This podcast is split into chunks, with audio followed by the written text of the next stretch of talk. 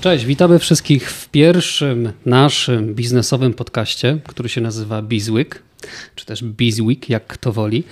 E, no i tak jak powiedziałem, to jest nasz pierwszy podcast, który jest nagrany w szerszym gronie przedsiębiorców. Będziemy starali się mówić o rzeczach ważnych, które działy się w tym tygodniu, ale nie do końca w ważny sposób, znaczy nie do końca w poważny sposób, dlatego że chcemy do tego tematu podejść bardzo na luzie, chcemy do tego tematu podejść jak przedsiębiorcy, którzy mają swoje zdanie, swoje opinie i nie wstydzą się i nie boją się ich wyrażać. Także bez żadnych ustawek, bez promocji żadnych produktów, czysto, po prostu tak co każdy z nas, to o czym każdy z nas myśli.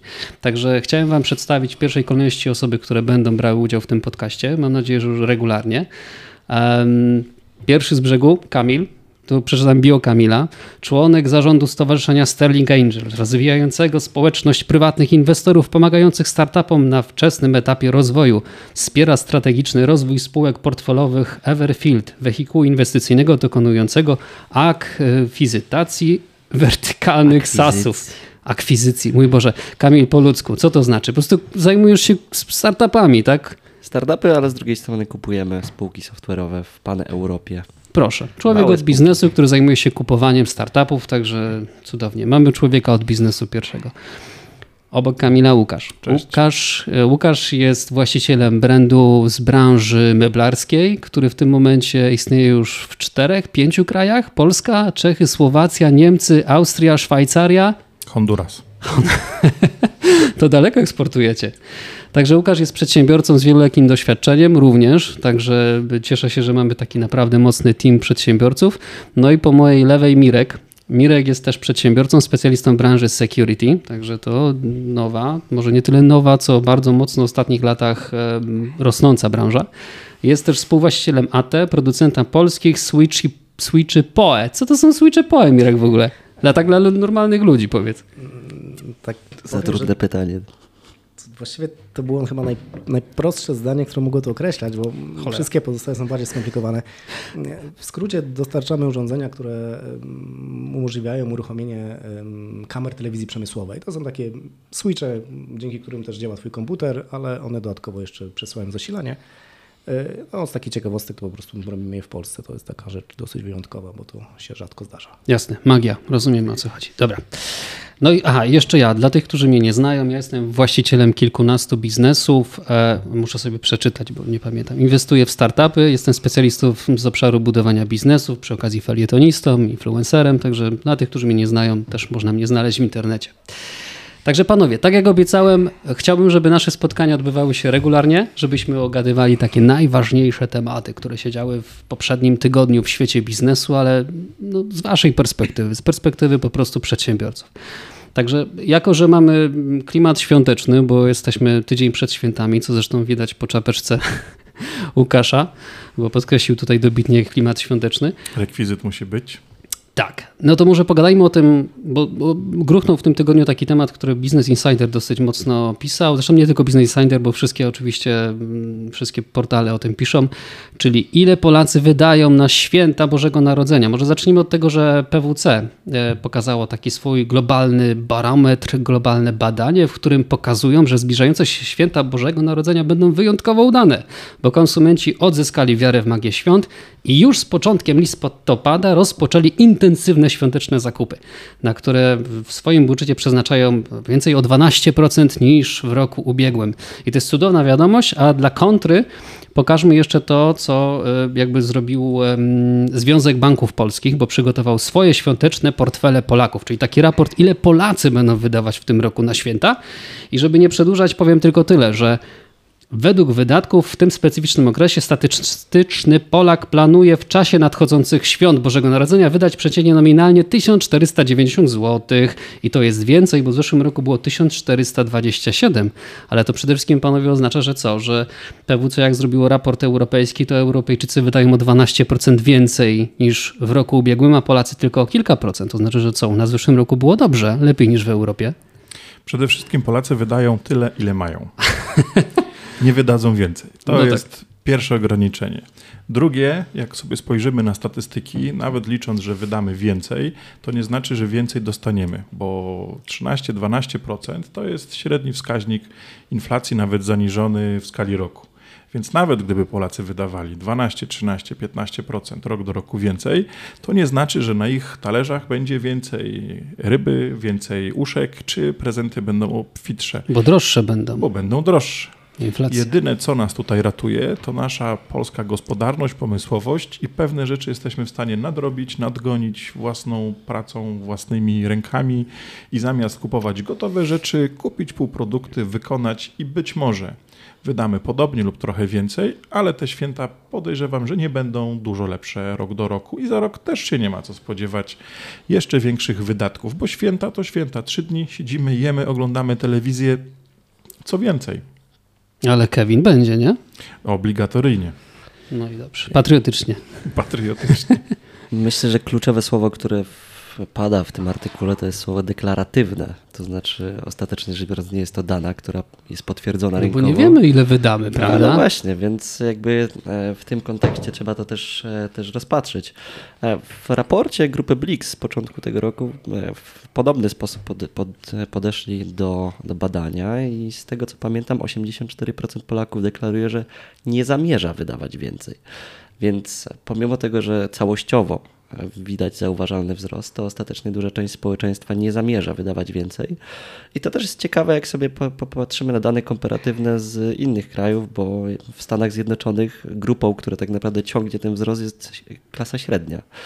E, Osoby naj, najuboższe, realnie rzecz biorąc, e, no, nie mają perspektywy tego, aby, aby te wydatki zwiększać. Natomiast jeśli chodzi o najbogatszych, one są dość stabilne, także zauważalny wzrost widoczny jest tej, w tej klasie średniej pod tym I tu. Kamil Przycinek. Wszyscy rodzice, którzy mówią dzieciom, na prezenty do Mikołaja możecie wydać 200 zł, już mają w portfelu przygotowane po 300, 350, bo wiedzą, że dziecko się nigdy w budżecie nie zmieści. Dlatego moja deklarowana kwota być może byłaby bliska tego, co jest tutaj wpisane, aczkolwiek mam świadomość, że Mikołaj no niestety nie może oszczędzać, więc to, co bym sobie chciał zadeklarować, i tak nie będzie miało miejsca. Ale to jest tak, że wiesz, Ka- Kamil Kucza analitycznie do tematu podszedł, powiedział, że badania pokazują, że 85% Polaków deklaruje, że nie wyda więcej, a z drugiej strony więcej kasy wydamy, więc Rozmowa Łukasz może... sześciolatkiem. Masz rację. Słuchaj, synu. Inflacja. Tej perspektywy Badania po- nie mam pokazują, jeszcze, więc doceniam ją że powinieneś wydać na prezent 203,5 zł. To tak nie działa niestety. Mirek, a jak u ciebie? No Ty masz y, dwójkę dzieci, tak? Więc Tak, na pewno tak. wydasz dużo kasy na święta, co? Tutaj ja mam troszeczkę chyba prostszą sytuację niż Łukasz. W przypadku moich dzieci e, oni One są wielkimi... były niegrzeczne cały rok. Nie ma prezentów. Tak, ale jak to Spryciarz. Deklaratywnie były super grzeczne I, i, i- jak, to, jak to mój starszy syn powiedział, on zawsze wszystko robił to, co mama mu kazała w tym roku i zasługuje na prezent jak najbardziej. Ale odpowiadając na pytanie, mm, tutaj jest dosyć ciekawe, może w tym wieku, tak, bo to jest 2 i 5 lat, chłopcy akurat bardzo lubią samochody i tutaj jest fajna rzecz, to nie jest kwestia taka, czy te samochody są duże, małe, Czyli po drogie. Ferrari im kupisz. E, może, może w przyszłym roku. Ym, Natomiast e, bardzo się cieszą z prostych to, co im się akurat spodoba i, i chyba nie oglądanie reklam w telewizji, czyli tego, że oni nie są tak mocno napędzani e, To tymi- dużo tymi, tak. tymi mm, kwestiami marketingowymi, marketingowymi powoduje, że tych wymagań nie mamy rozbuchanych. E, Ja tutaj tylko dodam odnośnie tych e, statystyk, o których tutaj mowa, mm, dwie rzeczy, tutaj, o których kolega wspomniał. Pierwsze, inflacja, tak? No biorąc pod uwagę, uwzględniając inflację, która jest liczona dla jakby całego koszyka, tutaj mamy kwestię tego, że większość będzie wydana na jedzenie, to wygląda to, że te wydatki tak naprawdę realnie nie będą większe, tak? Po prostu nominalnie wydajemy więcej, ale, ale te wydatki nie będą aż tak duże. A druga rzecz, y, chciałbym zobaczyć zestawienie, ile z tych wydatków będzie sfinansowanych kredytem, bo tutaj jest taka, taka mm, kiepska statystyka, którą też widziałem, że coraz więcej osób, przynajmniej w Polsce, e, finansuje bieżące wydatki Tak, kredytem. coraz głębiej sięgamy do To, kieszeni. E, więc- Mirku, jedna informacja, pozwól, że, że ci uzupełnię. Mianowicie jest odnotowany zauważalny trend w opcji e, buy now, pay later. Notabene to jest Tak. coś, co, co zostało nie wprowadzone nie tak dawno temu, tak, to kilka lat. Natomiast w perspektywie rok do roku 47% wzrostu na, na tej formie transakcji w Black Friday. Mhm. Myślę, że to jest znaczący trend i, i potwierdza tę tezę, którą postawiłeś. Zabójcze dla portfeli. Czy buy now, pay later jeszcze nie jest złe, bo masz tylko doleczoną płatność i najczęściej ona nie jest oprocentowana. Gorzej, jeśli ktoś się zadłuża i zadłuża się na jakichś, no jakby to powiedzieć, instytucjach niekoniecznie bankowych. Więc... Jako były właściciel spółki pożyczkowej powiem, że nie masz racji, nie... to jest wspaniałe. Dla kogo? Dla spółki pożyczkowej. Dla spółki pożyczkowej. znaczy, absolutnie zgadzam się z Tobą i jest to wspaniałe dla kogoś. Dobra, panowie, słuchajcie, moglibyśmy długo gadać o, o, każdym pewnie z tematów, bo każdy z Was ma opinię i to jest świetne. Natomiast jakby przejdźmy dalej, bo, bo tematów mamy sporo, a czasu ograniczoną ilość. Bo skoro jesteśmy w temacie świąt, e, ja ostatnio popełniłem taki post i wrzuciłem taki temat związany z, z piosenką świąteczną. Każdy z nas ma jakieś piosenki świąteczne, których nienawidzi. Ja osobiście mam całą ferię tych piosenek, których nienawidzę, ale jest bardzo specyficzna piosenka, która się nazywa All I Want for Christmas, która należy do Mariah Carey.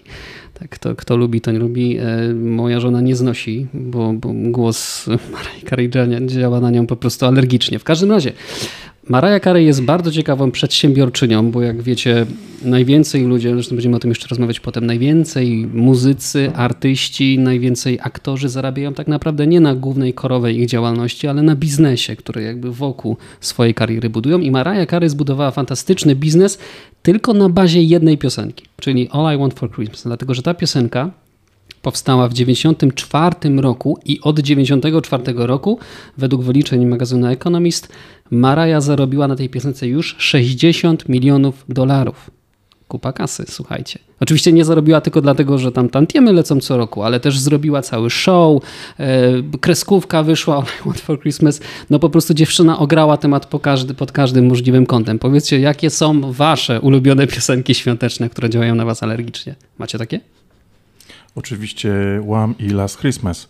Ktoś, kto nie słucha radia i nie ma telewizora w domu, tak jak ja, to jest osobą szczęśliwą, bo te piosenki słucha tylko w odpowiednich okolicznościach. W kolejce w sklepie, jak gdzieś leci, u kolegi w samochodzie, jak go zawozi do domu po imprezie, więc na taką częstotliwość nie są to dokuczliwe piosenki.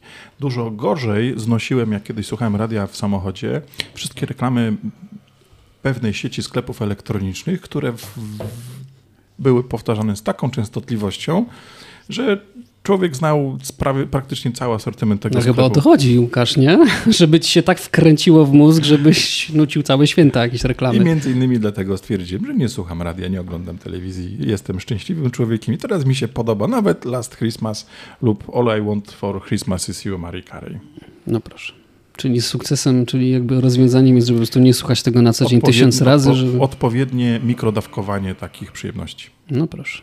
A wy panowie?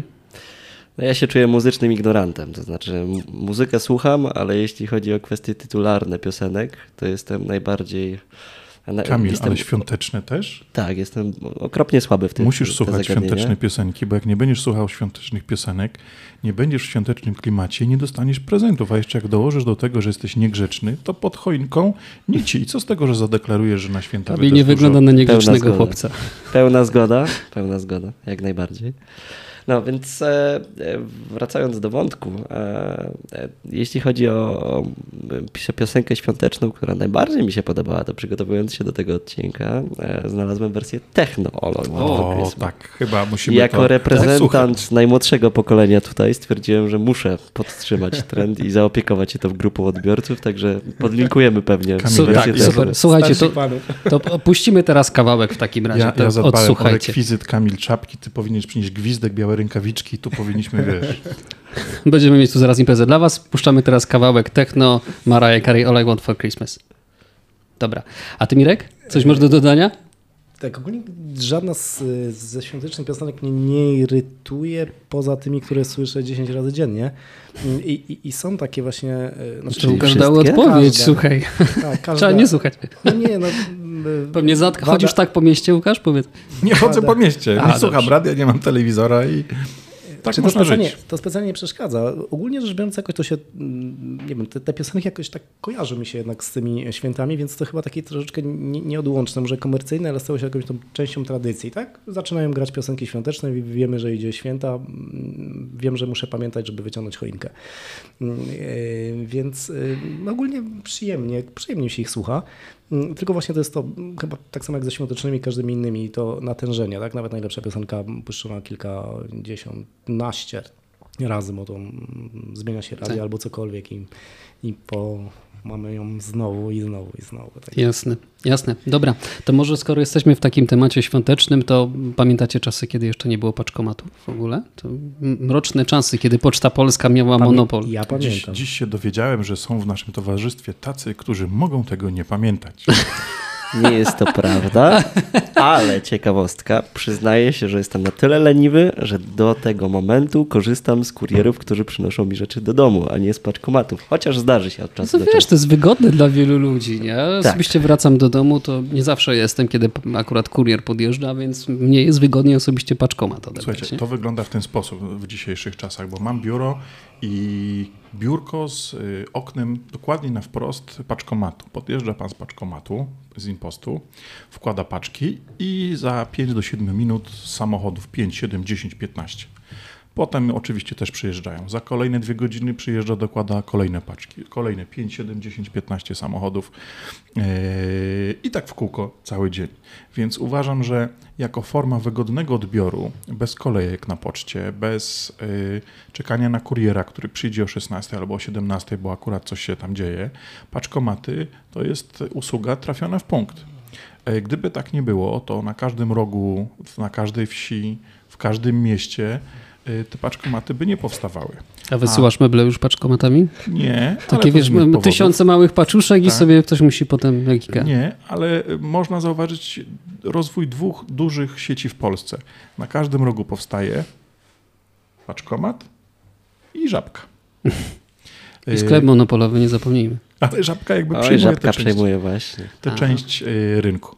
Więc y, czasy z paczkomatami na pewno są wygodne, na pewno są fajne i to jest też pstryczek w ucho dla Poczty Polskiej. Dlaczego nie wykorzystała swojej szansy jako monopolista, jako instytucja, która miała do dyspozycji środki y, jakieś nawet i państwowe, tylko przespali ten czas. No właśnie, bo to właściwie teraz zapoczątkowałeś to, co chciałem powiedzieć, bo, Mhm. bo temat jak zawsze gorący przed świętami, czyli Poczta Polska, która ma już 465 lat, ja tutaj sobie wygooglowałem wcześniej, powstała 18 października 1558 roku, kiedy król Zygmunt August ustanowił stałe połączenie pocztowe między Krakowem a Wenecją za pomocą poczty, czyli koni rozstawnych i mniej więcej na tym etapie Tak, poczta ale to została. jest historia, która się powtarza i nikt tego nie zauważył. Nokia pewnego czasu stwierdziła, my nie robimy dotykowych telefonów, nie ma Nokii. Kodak stwierdził, nie robimy cyfrowych y, aparatów Chyba czytasz za dużo moich postów. Nie, nie, nie czytam. I teraz Poczta Polska, która dostarcza przesyłki, stwierdza, nie, nie będziemy dostarczać listów i przesyłek. No dobra, ale to wiesz, to jest, każdy z nas krytykuje Pocztę Polską i każdy z nas wie, że Poczta Polska jest do bani, tak? Tylko wiecie, krytykować to każdy może, nie? Nie, ja bym zaczął pozytywnie. Ja Nie, no, widzę muszę się wolne- przesłuchać, co ty masz do powiedzenia. Wolne, wolne ale pozytywne zmiany. Nie, poważnie. No, znaczy dwie konkretne, tak? Pan listonosz, który, który tutaj regularnie mnie odwiedza z jakimiś poleconymi, które muszą być ze względów urzędowych nadane poleconymi, a praktycznie zawsze to jest na czas. Pan jest bardzo miły i kompetentny, jest naprawdę bardzo fajnie i widzę różnicę w stosunku do tego, gdzie może akurat trafiłem pozytywnie, tutaj kolega może inaczej. I to samo odwiedziny na poczcie. Y, Wcześniej to jakoś wspomniałem traumatycznie. Teoretycznie dzieciństwo, młodsze lata powinno się spo- wspominać lepiej. A, a pamiętam, że z, z młodych lat miałem traumę związaną z, ze staniem w kolejkach na poczcie. Teraz tego nie ma. Mm, e, No, Poczta Polska y, na pewno jakby pozycja monopolisty nie pomaga, tak, bo jest rozleniwiona, to widać.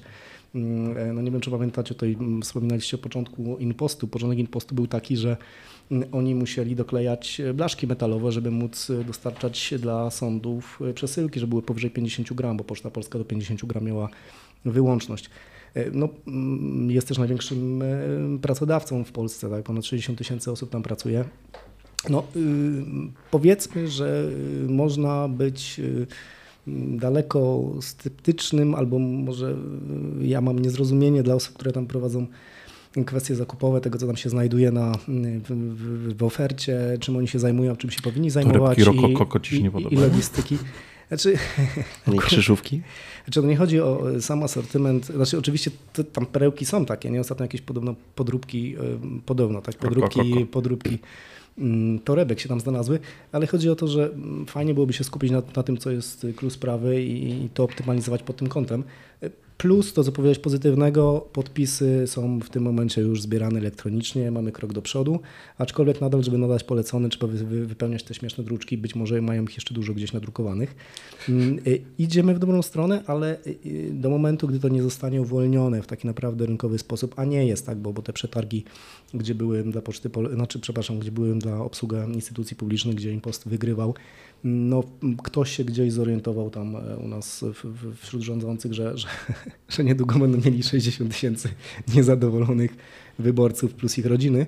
E, No i, i ratują tą Pocztę Polską. To troszeczkę rozleniwia. E, No, No ale wiesz, poczta cały czas podejmuje jakiś problem. Już nawet nie będę mówił o tym, że, że poczta odpaliła swoje jakieś tam pilaturzowe y, paczkomaty, co sobie robili jaja ludzie, że zraz awizo będą lądowały w paczkomatach. No i faktycznie były takie zdjęcia, nie wiem ile w tym prawdy, ale były takie zdjęcia, że ludzie robili zdjęcia, że awizo wylądowało w paczkomacie pocztowym.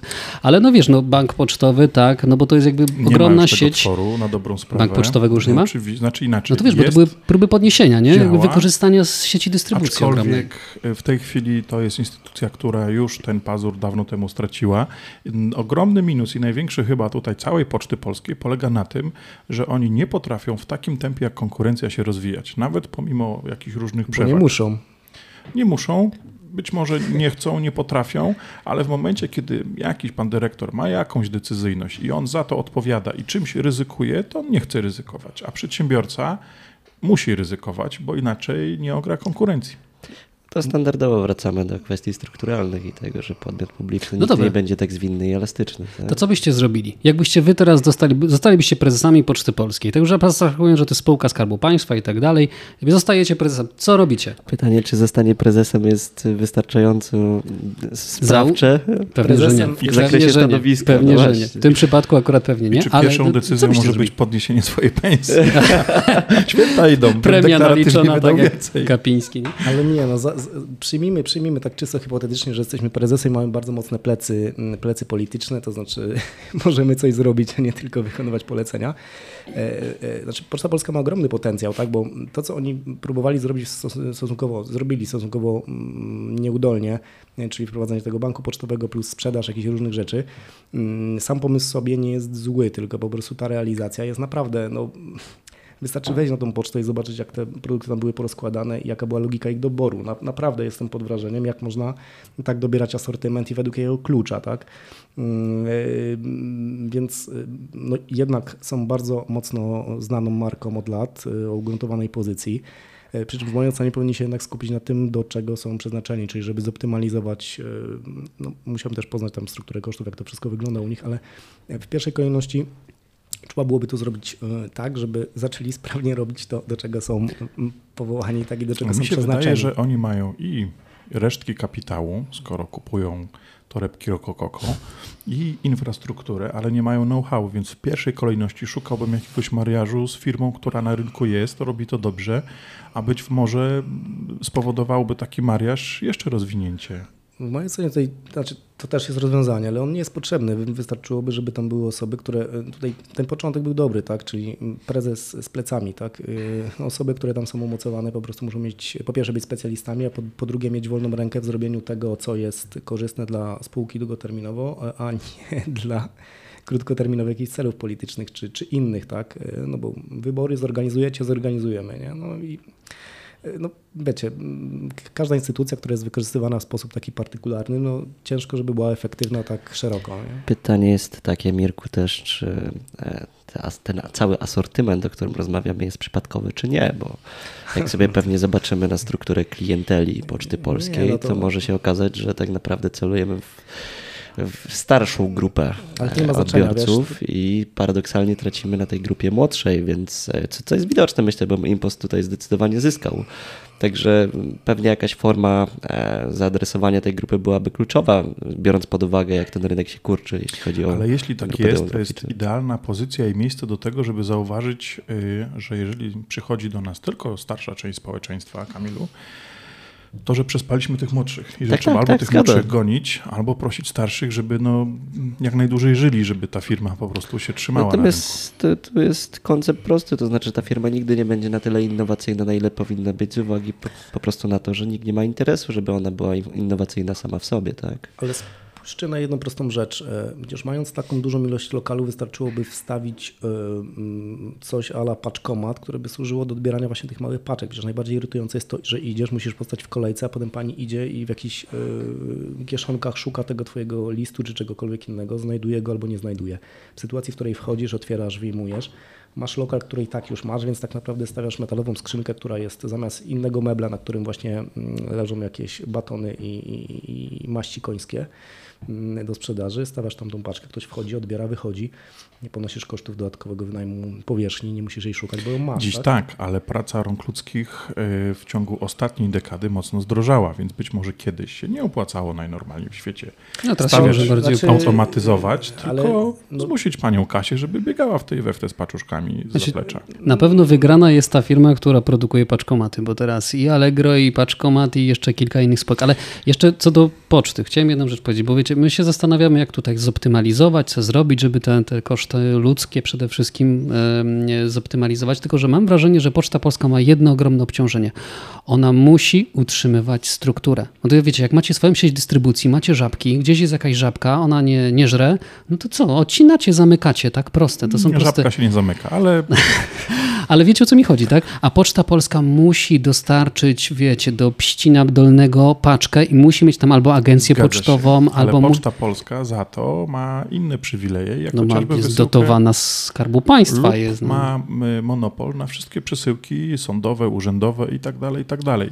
Więc to jest podstawa biznesu i umówmy się, że powinno to wystarczać w jakimś stopniu, ale reszta powinna być No już... ile w tym Pścinie Dolnym masz, wiesz, listów poleconych, jak tam 500 mieszkańców mieszka w tej wioseczce i wiesz, ile na tym mogą uciułać, nie? Na pewno nawet no, nie zarobią na pensję takiego No pracownika. Tak, ale tam też pewnie znajduje się jakiś mały oddział, który no, tak naprawdę Tak, to połączenie, połączenie, ze sklepem, połączenie ze sklepem, z bankiem nie jest głupim pomysłem, tak? bo tak naprawdę Zgadzam się. masz swój lokal, masz Taką swoją żabkę, powierzchnię, nie? masz swoich ludzi Pocztkę. i to jest tylko kwestia ułożenia tego tak, żeby się to spinało, więc zwróć uwagę, że nawet gdyby się te lokale, te lokalizacje, o których mówisz, takie słabsze spinały na zero, tak? mając swój lokal, to nie jest aż tak trudne, żeby taka placówka mm, Ja wam mówię.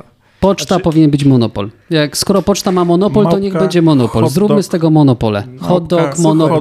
dokładnie. plus polecony I mówisz, kochanie, idę na pocztę, tak? I, I wracasz, wiesz, druga w nocy z kolegami pod codziennie pachę. kolega ci zostawia w skrzynce Ale- awizo i się widzicie Tak. na poczcie.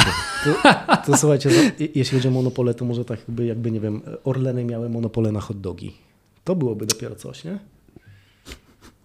Dobre. Nie zje żadnego hot doga Dobre. nigdzie indziej poza Orlenem. Słuchajcie, byłem we Włoszech, tam na stacjach benzynowych nie da się zjeść hot doga. Pojechałem, próbowałem na kilku zamówić. Nie, tam wiecie co można zjeść we Włoszech na stacji benzynowej? No nie zaskoczę Olej was. silnikowy. To też polać możesz sobie. Pizzę, pizzę. Dobra, zmieniamy klimaty w takim razie. Po- Poczta Polska niereformowalna w takim razie. Nic, co byśmy nie gadali, nic się nie da z tym tematem zrobić. Więc może tak, przejdźmy do mniej sympatycznych tematów, panowie. Od Poczty Polskiej. Od poczty. Nie wiem, czy blisko, ale dobrze. Nowy podatek minimalny od stycznia budzi postrach e, przedsiębiorców, jak pisze Mane.pl. Z początkiem 2024 roku polscy przedsiębiorcy staną przed sporym wyzwaniem. Chodzi o podatek minimalny. Zgodnie z przepisami przedsiębiorcy podlegający temu podatkowi, jeśli przy rozliczeniu rocznym wykażą straty lub ich dochody będą niższe niż 2% przychodów. No i teraz tak, panowie, co na ten temat myślicie? Bo to oczywiście każdy podatek napawa strachem przedsiębiorcy, aczkolwiek ja osobiście mam wrażenie, że ten podatek jest pomyślany w taki sposób, żeby uderzyć przede wszystkim w te spółki, które w Polsce no, najnormalniej w świecie nie wykazują, chociaż są ogromne, nie wykazują żadnych zysków. I tutaj mam od razu kilka tematów przygotowanych. Słuchajcie, Farmakol 6,49 miliarda złotych przychodu przy zbliżonych wydatkach. Agri Plus 4,71 miliarda przy zbliżonych, tu mówię o 2023 roku. PG Energia Cieplna 6,40 i tak dalej. PKP Cargo, Zepak, LG Electronics Wrocław, proszę Państwa, 2,77 y, miliarda złotych, podobne koszty. Już nie będę mówił o tych wszystkich spółkach typu sklepy Aldi, Auchan, Carrefour, Lidl, Kaufland, Dino i tak dalej, i tak dalej. Niesamowita księgowość, muszę, muszę ich docenić. No i jakby od lat się mówi, że te wszystkie spółki kasę wywożą za granicę, nie płacą podatku w Polsce. Oburzenie było od lat, no w końcu rząd coś chciał zrobić, jest, nie? Się? Znaczy, mm, chciałbym poznać w jaki sposób tylko rozróżnić te firmy, które rzeczywiście, mm, e, można powiedzieć, optymalizują koszty tak, żeby one były na równi z zyskami, e, od tych, które rzeczywiście mają problemy i nie będą wykorzystane, po prostu są w trudnej sytuacji chwilowo czy nie chwilowo i, i raczej chciałyby się podnieść, czy też, e, nie wiem, w jakiś sposób wyjść na plus, a tutaj ktoś przyjdzie do nich i powie, ich, powie im, panowie musicie zapłacić podatek tak czy inaczej. Jeśli to byłoby do rozróżnienia w jakiś prosty sposób, to no wiesz, jak to jest. Rozumiem, rozumiem, ide rozumiem ideę. Intencja jest dobra, ale w rozumiem, praktyce będzie rozumiem, jak zawsze. Nie? Zawsze dostaniesz koszetem. Znaczy, tak, tak. To, tak intencjonalnie ja najchętniej zostałbym socjalistą, tylko jeśli ktoś mi pokaże, kto to będzie sponsorował i kto będzie za to wszystko płacił i jak to będzie długoterminowe. spinało. Nie słuchajcie, przede wszystkim musimy spojrzeć na to, co się dzieje mm, ogólnie na świecie, jeżeli chodzi o podatki Europę Zachodnią. Umówmy się, że w większości krajów te podatki są trochę wyższe. Tylko najgorsze w tym wszystkim nie jest, że jest wprowadzany jakiś podatek, tylko to są pseudo poukrywane podatki. Składki zdrowotne, tu przy CIT będzie 2% do dobrotu, czy tam 3%. Y, nie jest nigdzie jakiś prost, nie ma nigdzie prostego systemu, który od razu ci pozwala pewne rzeczy sobie wydedukować. Oddajesz, tak jak przy VAT-ie, 23%. Y, temat czysty, prosty, elegancki, podatek dochodowy. Też jesteś w stanie na kalkulatorze wyliczyć. Tu nam dochodzi dużo zmiennych podatków, które powodują, że i tak znajdzie się na to jakiś sposób, który pozwoli te podatki obejść, a po drugie, będzie powodował, że tych podatków będzie powstawać coraz więcej, bo czym więcej ludzie obchodzą, znajdują na to recept, tym bardziej państwo próbuje znaleźć jeszcze dodatkowe rzeczy. Mamy mieć podatki od jednorazowych y, rzeczy plastikowych. To będziemy zaraz o tym rozmawiać. Mamy podatki od y, małych butelek plastikowych. Mamy podatki od y, składek zdrowotnych pseudo podatki, mamy od obrotów i nagle się okaże, że otwierając firmę, zwykła pani Kasia, która tam jest, nie wiem, jakąś tam kosmetyczką, ona po prostu tego nie zrozumie, nie udźwignie.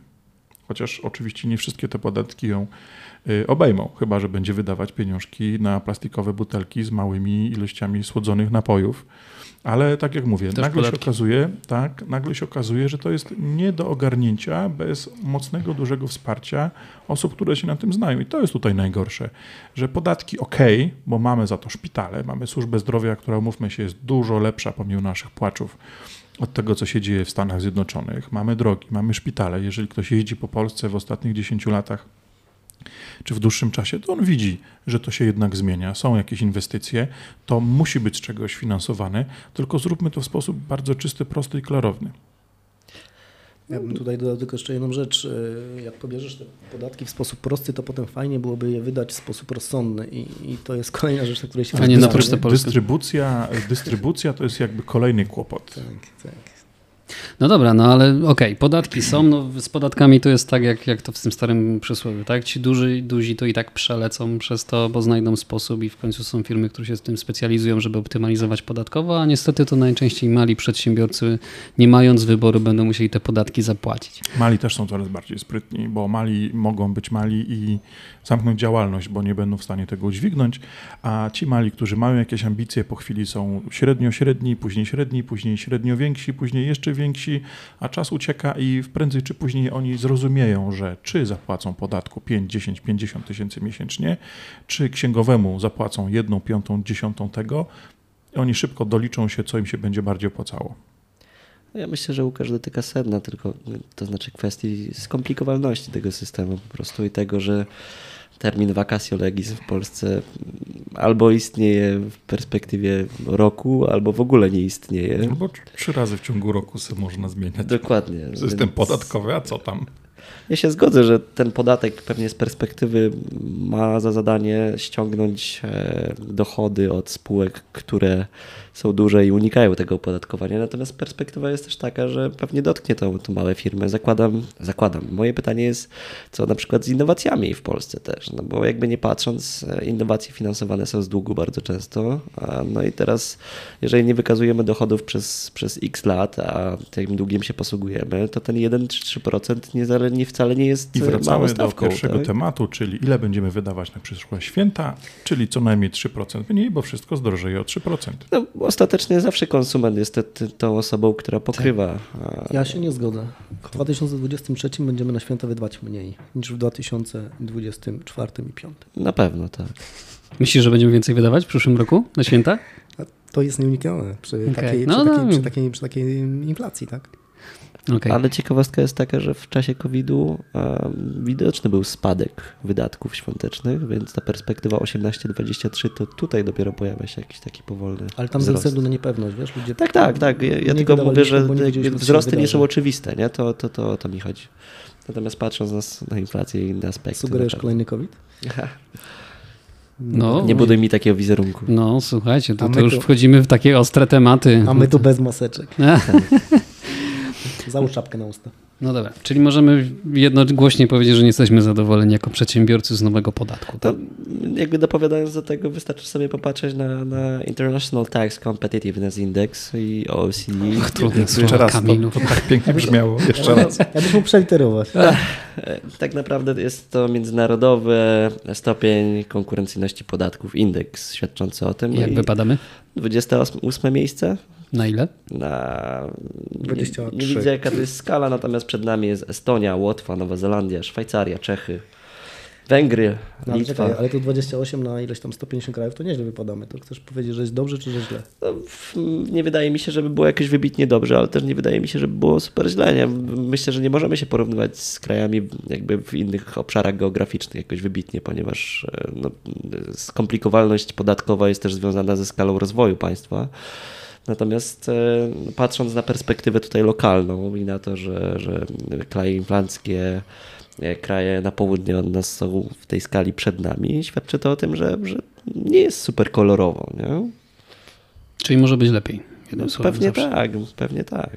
No ale dobra, no w każdym razie rozumiem, że jakby to jest skala skomplikowalności, tak jak powiedziałeś, podatków. Czyli są kraje, w których jest dużo łatwiej płacić te podatki, one są dużo prostsze, prawda? Ostatnio słyszałem, że Czesi, Czesi tak, wywalili jakąś tam ustawę podatkową, zerżnęli o połowę, wywalili do kosza i Jest dużo, dużo łatwiej prowadzić biznes. Ty, Łukasz, masz biznes w E, Czechach, tak, więc wiesz. Jedna, jedna ze spółek, która obsługuje nam rynek czeski-słowacki, to jest właśnie spółka w Czechach. I tam system jest dużo prostszy, e, księgowość jest dużo tańsza. Podatki tak to się samo księgowym w piwie płaci pewnie. nie? No. E, Sam sposób jakby dokumentowania jest dużo prostszy, więc powiem szczerze, uczciwie, czym łatwiej, tym lepiej, bo przedsiębiorca zamiast zajmować się skomplikowanymi rzeczami, myśleć o pewnych kwestiach, może zająć się tym, co robi najlepiej, czyli biznesem. Mhm. Mhm.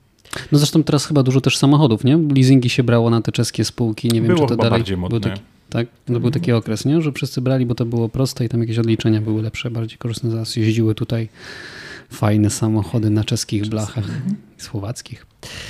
Dobra, panowie, to skoro już w tych tematach podatkowych jesteśmy, no to jeszcze jeden podatek, o którym tu już Łukasz lekko wspomniał. Od 1 stycznia 2024 za niektóre produkty z plastiku Business Insider pisze, że nowe stawki opłat za jednorazowe produkty wykonane z tworzyw sztucznych. Dotyczyć będzie ten podatek podmiotów, przedmiotów, przepraszam, takich jak kubki do napojów czy pojemniki na żywność. I ustalono stałą stawkę 20 groszy w przypadku kubków na napoje, w tym ich pokrywek i wieczek, 25 groszy w przypadku pojemników na żywność. No nie będziemy tu wchodzić w szczegóły, bo nie wiem, czy to kogoś interesuje, natomiast clue jest takie, zdrożeją posiłki zamawiane przez wszystkie serwisy, które można zamawiać, zdrożeje kawka w Starbucksie, zdrożeją wszystkie rzeczy, które bierzecie na wynos. Nie, Nie zdrożeją? inaczej, nie powinny zdrożyć. Bo, A, bo przedsiębiorcy podatku- wezmą na siebie tą kasę. Idea podatku jest inna, wykluczyć plastik, a nie nie dostarczać pojożywienia. Dlaczego w latach 70., 80., 90., 2000 były różne dostawy, Saturatory w plastikach, Szklanek, tak, szklanek. ale dlaczego się wtedy dało, teraz się nie da? E, Podejrzewam, że na pewno tutaj e, czymś, z czego będzie więcej produkowanych takich jednorazowych e, rzeczy, to będzie papier. Który... No, generalnie tutaj myślę, że Kamil możesz się odezwać, bo pewnie No. jakieś startupy takie, które są Papierowe. y, y, no, nie tyle papierowe, co wiesz, powstało bardzo dużo fajnych startupów, które potrafią z, y, i z papieru, i z na przykład odpadów z kawy produkować właśnie talerzyki, produkować jakieś kubeczki. I to jest chyba Super, nie? Takie ekologiczne zamysł. i Zobaczymy, jak wyjdzie. proszę się rozejrzeć za takimi startupami, bo pu, to może być ciekawy temat. Kamil? To na Ja pewno jest, to na Ekobi- pewno jest widoczny trend i, i myślę, że to jest jeden z motywatorów wprowadzania tych ustaw. Jakby jest to te pewne nawiązanie do dyrektywy Unii Europejskiej dotyczących, dotyczącej plastiku z 2021 roku i myślę, że to będzie postępujący trend w kontekście większości e, elementów związanych z wykorzystaniem plas- plastiku na co dzień. No, na, pewno, na pewno motywacja do powstawania innowacji w tym zakresie jest widoczna na rynku. Nie będę teraz wymawiał, wy- wymieniał tych startupów z, z, z nazwy, natomiast tych podmiotów powstaje i widać, że zainteresowanie inwestorów i powstawanie e, sieci czy też e, społeczności zgromadzonych wokół tego obszaru clean, wokół obszaru e, tak naprawdę zrównoważonego rozwoju jest, jest coraz większe. E, Ale to też wynika z akceptacji pewnych ustępstw, bo nikt z nas nie kocha słomek y, kartonowych. Jezu, z papieru. nienawidzę. Tak, no. Tak, każdy ma takie same uczucia. To jest po prostu norma, ale każdy się przyzwyczaił, że już nie ma tych plastików. Ja się nie przyzwyczaiłem. Jak mam zjeść lody z McDonalda z tą drewnianą łyżką, to mam taki odruch, jak są memy z kotami, co wiecie, dostanę, że robię takie... No to ja mniej więcej taki mam odruch. Lody. słuchajcie, y, no, w mojej ocenie będzie drożej, tak? Bo mm, to, że w tym momencie korzystamy z plastikowych rzeczy w, w tej dostawie takiej jednorazowej i w ogóle wszyscy wszystkim jednorazowym, nie wynika z tego, że stwierdziliśmy kiedyś, że smaczniej jest jeść z plastiku, tylko dlatego, że jest tanio. Tak. E, Okej, ale jak więc- wprowadzono opłaty za siatki w Biedronce czy w innych sklepach, nie zacząłeś korzystać z wielorazowych? Ja mam cały czas w torbie, zawsze w samochodzie, Ale w bagażniku, Tu nie chodzi o to, czy się moje podłokietniku. przyzwyczajenia, bo one się zmieniły. w tylko mi- kieszeni spodni też mam. Teraz? Pokaż. Ale mm, może lepiej nie, bo jeszcze coś wypadnie. Ale słuchajcie, y, tylko nie mówimy o tym, że zmieniły się przyzwyczajenia, bo oczywiście cena ma wpływ na przyzwyczajenia, dlatego się przyzwyczailiśmy do plastikowych, bo one były tanie i się pojawiły, w, mi- mm, po prostu były proste w, w użytkowaniu. No, w mojej ocenie nie jest to szczyt marzenia, żeby jeść czymś plastikowym. Mm, Wolałbym zwykłymi sztućcami, ale to byłoby droższe, tak? Więc y, tylko mówię to w kontekście tego, że na porządku powiedziałeś, że nie, nie zostaną podniesione ceny. Zostaną, wszyscy zapłacicie drożej za Znaczy tak, jedzenie ale w różnych, ponieważ pewnie mm, inny jest zamysł stworzenia Tekturowe. podatku. Wiesz, zamysł jest taki, no kurczę, Znaczy, wiemy, wiemy, jaki jest zamysł, ale tylko, żeby nikt nie miał e, wątpliwości, tak, zapłacicie drożej, tak? Bo jeśli są jakieś zmiany i one są wymuszone ceną, no to ktoś musi za to zapłacić. Pewnie to nie będzie tak, że dzień po wprowadzeniu tego podatku ceny wzrosną, ale zostaną w jakiś tam sposób Wzrosną ukryte, od razu, czy- bardzo szybko się przyzwyczaimy. Pytanie tylko, czy wpłynie to jednak na mniejsze zużycie tego plastiku. Ja liczę, trzymam kciuki, żeby tak było. Ale też absolutnie jestem za tym, tak? To, to tutaj no, mamy do wyboru dwie, dwie ścieżki, tak? Albo y, wszystkich nauczyć, że jednak plastikowe rzeczy wszystkie y, recyklingujemy, tak? Czyli nie wyrzucamy gdziekolwiek. Y, Wydaje mi się, że to nie zadziała w przeciągu następnego tysiąca lat. W związku z czym jest inna mm, ścieżka, czyli uczynić to nieopłacalne. Tak? Więc z tego punktu widzenia skuteczności jest to bardzo dobre, aczkolwiek y, jest to kolejny, mm, jakby to powiedzieć, mm, kamyczek, żebyśmy w przyszłym roku mieli droższe święta. Kurczę, Mirek, to tak pesymistycznie, już, już się boję tych przyszłorocznych Nie. świąt. Nie, ale z drugiej strony, cały czas do świąt, ja już czapkę świąteczną zmieniłem. ale nie, z drugiej strony to, to może być pozytywne na przykład, bo, bo jak powiem, że w przyszłym roku święta będą droższe o 10%, a inflacja będzie 15%, no to znaczy, że będzie są tańsze. Także y, to, to nie jest tak do końca. To zobaczymy, co będzie. Mirku, czy ja pierwszy raz usłyszałem, że ty jesteś za jakimś podatkiem? Nie, nie, absolutnie jestem Czy jesteś przeciwny przedsiębiorcą na pewno? No właśnie. pseły, pseły. A może ty Wiecie, jesteś z rządu? Czy tu jakaś transformacja poglądowa? Podstawili nam z Nie, rządu. nie, nie. Świąteczna refleksja? Nie, absolutnie, absolutnie. Znaczy, ogólnie rzecz biorąc, no właśnie, to jest temat szerszy i to chyba nie na tą debatę. Ogólnie rzecz, biorąc, tak, podatki w pewnym zakresie są ok, tak, ale w podatku, znaczy w, w zakresie ograniczonym i uzasadnionym.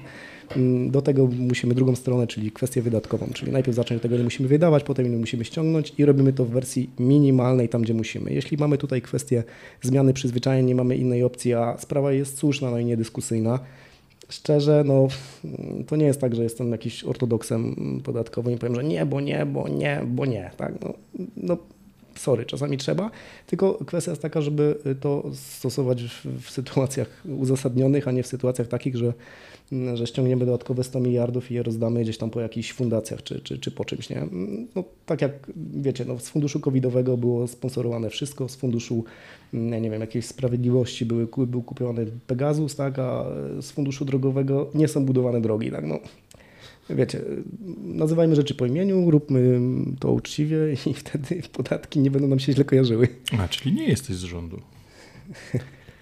Ja też jestem za tym, żeby, żebyśmy mogli wszyscy jako przedsiębiorcy zarabiać tyle, żeby podatki to było takie, wiecie, malutkie, żeby nas nie bolało tak bardzo. Znaczy, to, to nie tylko przedsiębiorcy, tak, ale, ale, ogólnie rzecz biorąc wszyscy, żebyśmy wszyscy, zarabiali. Oczywiście. Też jeśli pracujemy na etacie, akurat miałem tą przyjemność przejścia chyba wszystkich szczebli, wszystkich możliwych e, form działalności w Polsce, tak, zarówno jako pracownik i Byłeś prezesem Skarbu Państwa jakiejś spółki? Ten model jeszcze nie. Także, ale w to nie wchodźmy. W politykę nie wchodźmy aż tak głęboko, bo to znowu temat jest taki drażliwy. Nie? Dobra, to panowie, to skoro podatek mamy omówiony, to teraz pogadajmy o przeciwieństwie podatku. To znaczy, jak ktoś może nie ma ochoty kupować sobie plastikowych rzeczy na mieście jedzonka, no to może sobie zawsze ugotować w domu. I tutaj mam od razu okropne wieści. Bardzo mi przykro dla wszystkich wielbicieli, dlatego że podobno, jak pisze Spider's Web, Thermomix podrożeje od nowego roku. Poczuliście grozę? Ale dobra, słuchajcie, bo tu przeczytam, fragment przeczytam. W ubiegłym roku 250 tysięcy, powtórzę, 250 tysięcy Polaków skontaktowało się z przedstawicielami firmy. Nie wiem skąd oni w ogóle mają te dane. Pewnie się z Thermomixa pytali. Ilu się... to po, pode, podeprecie 262 miliony złotych zeszły rok w Polsce. Przychody? Tak. No to jednak te 250 tysięcy Polaków coś tam ktoś kupił. Przepraszam, takim... euro. Euro? O jacie. Ale w Polsce tylko? Tak. Dobra, czytam dalej. 250 tysięcy Polaków skontaktowało się z przedstawicielami firmy, żeby nabyć urządzenie. Ci, którzy kupili, wygrali los na loterii, jak pisze Spider's Web, bo od 2024 roku Thermomix ma zdrożeć. I uwaga, w tym momencie kosztuje on 5975 zł, od nowego roku ma kosztować 7100 zł. I od razu tutaj dam ton y, tej dyskusji, bo mi się taki kawał przypomniał że w Polsce jest taka bieda, że nie ma co do Thermomixa włożyć. Nie wiem, czy znacie ten kawał.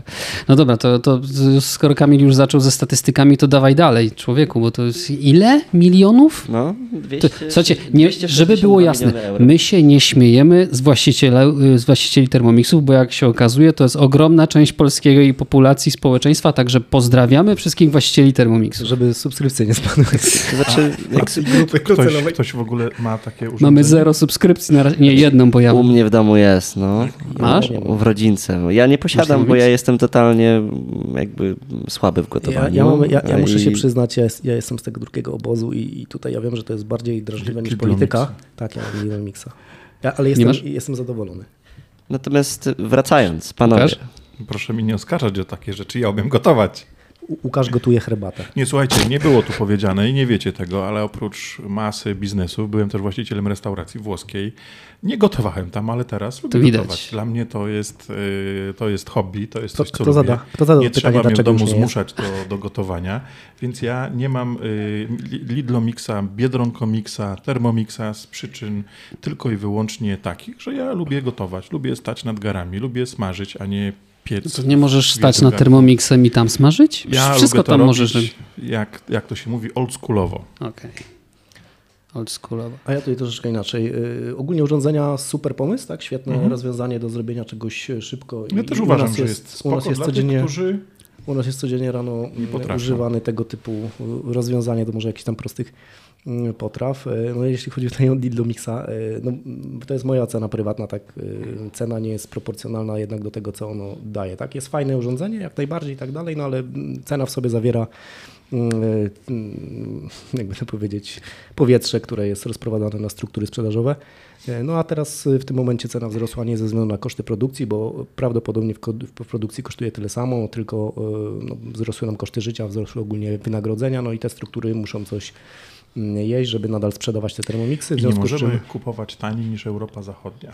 Znaczy tutaj dla nas też... to będzie bardziej odczuwalne niż dla Niemca, a nie O. możemy sprzedawać tego taniej, no bo kupimy tu, sprzedamy tam. Przecież my Polacy Ale w sensie- żyli, żyliśmy setki ale lat. tam też, w sensie, że tam też zdrożały, tak? Mogę mówisz? tak wywnioskować, bo to jest yy, Czy no jeśli pewnie zmieniają ceny, to zmienią. wsz- w- Znaczy, model sprzedażowy jest taki sam, tak? Więc jakby mm, duża część tej ceny idzie na, na, na strukturę sprzedażową. Mm, Dlatego wszyscy opowiadają, że on jest najlepszy. Choć jest pewnie dobry.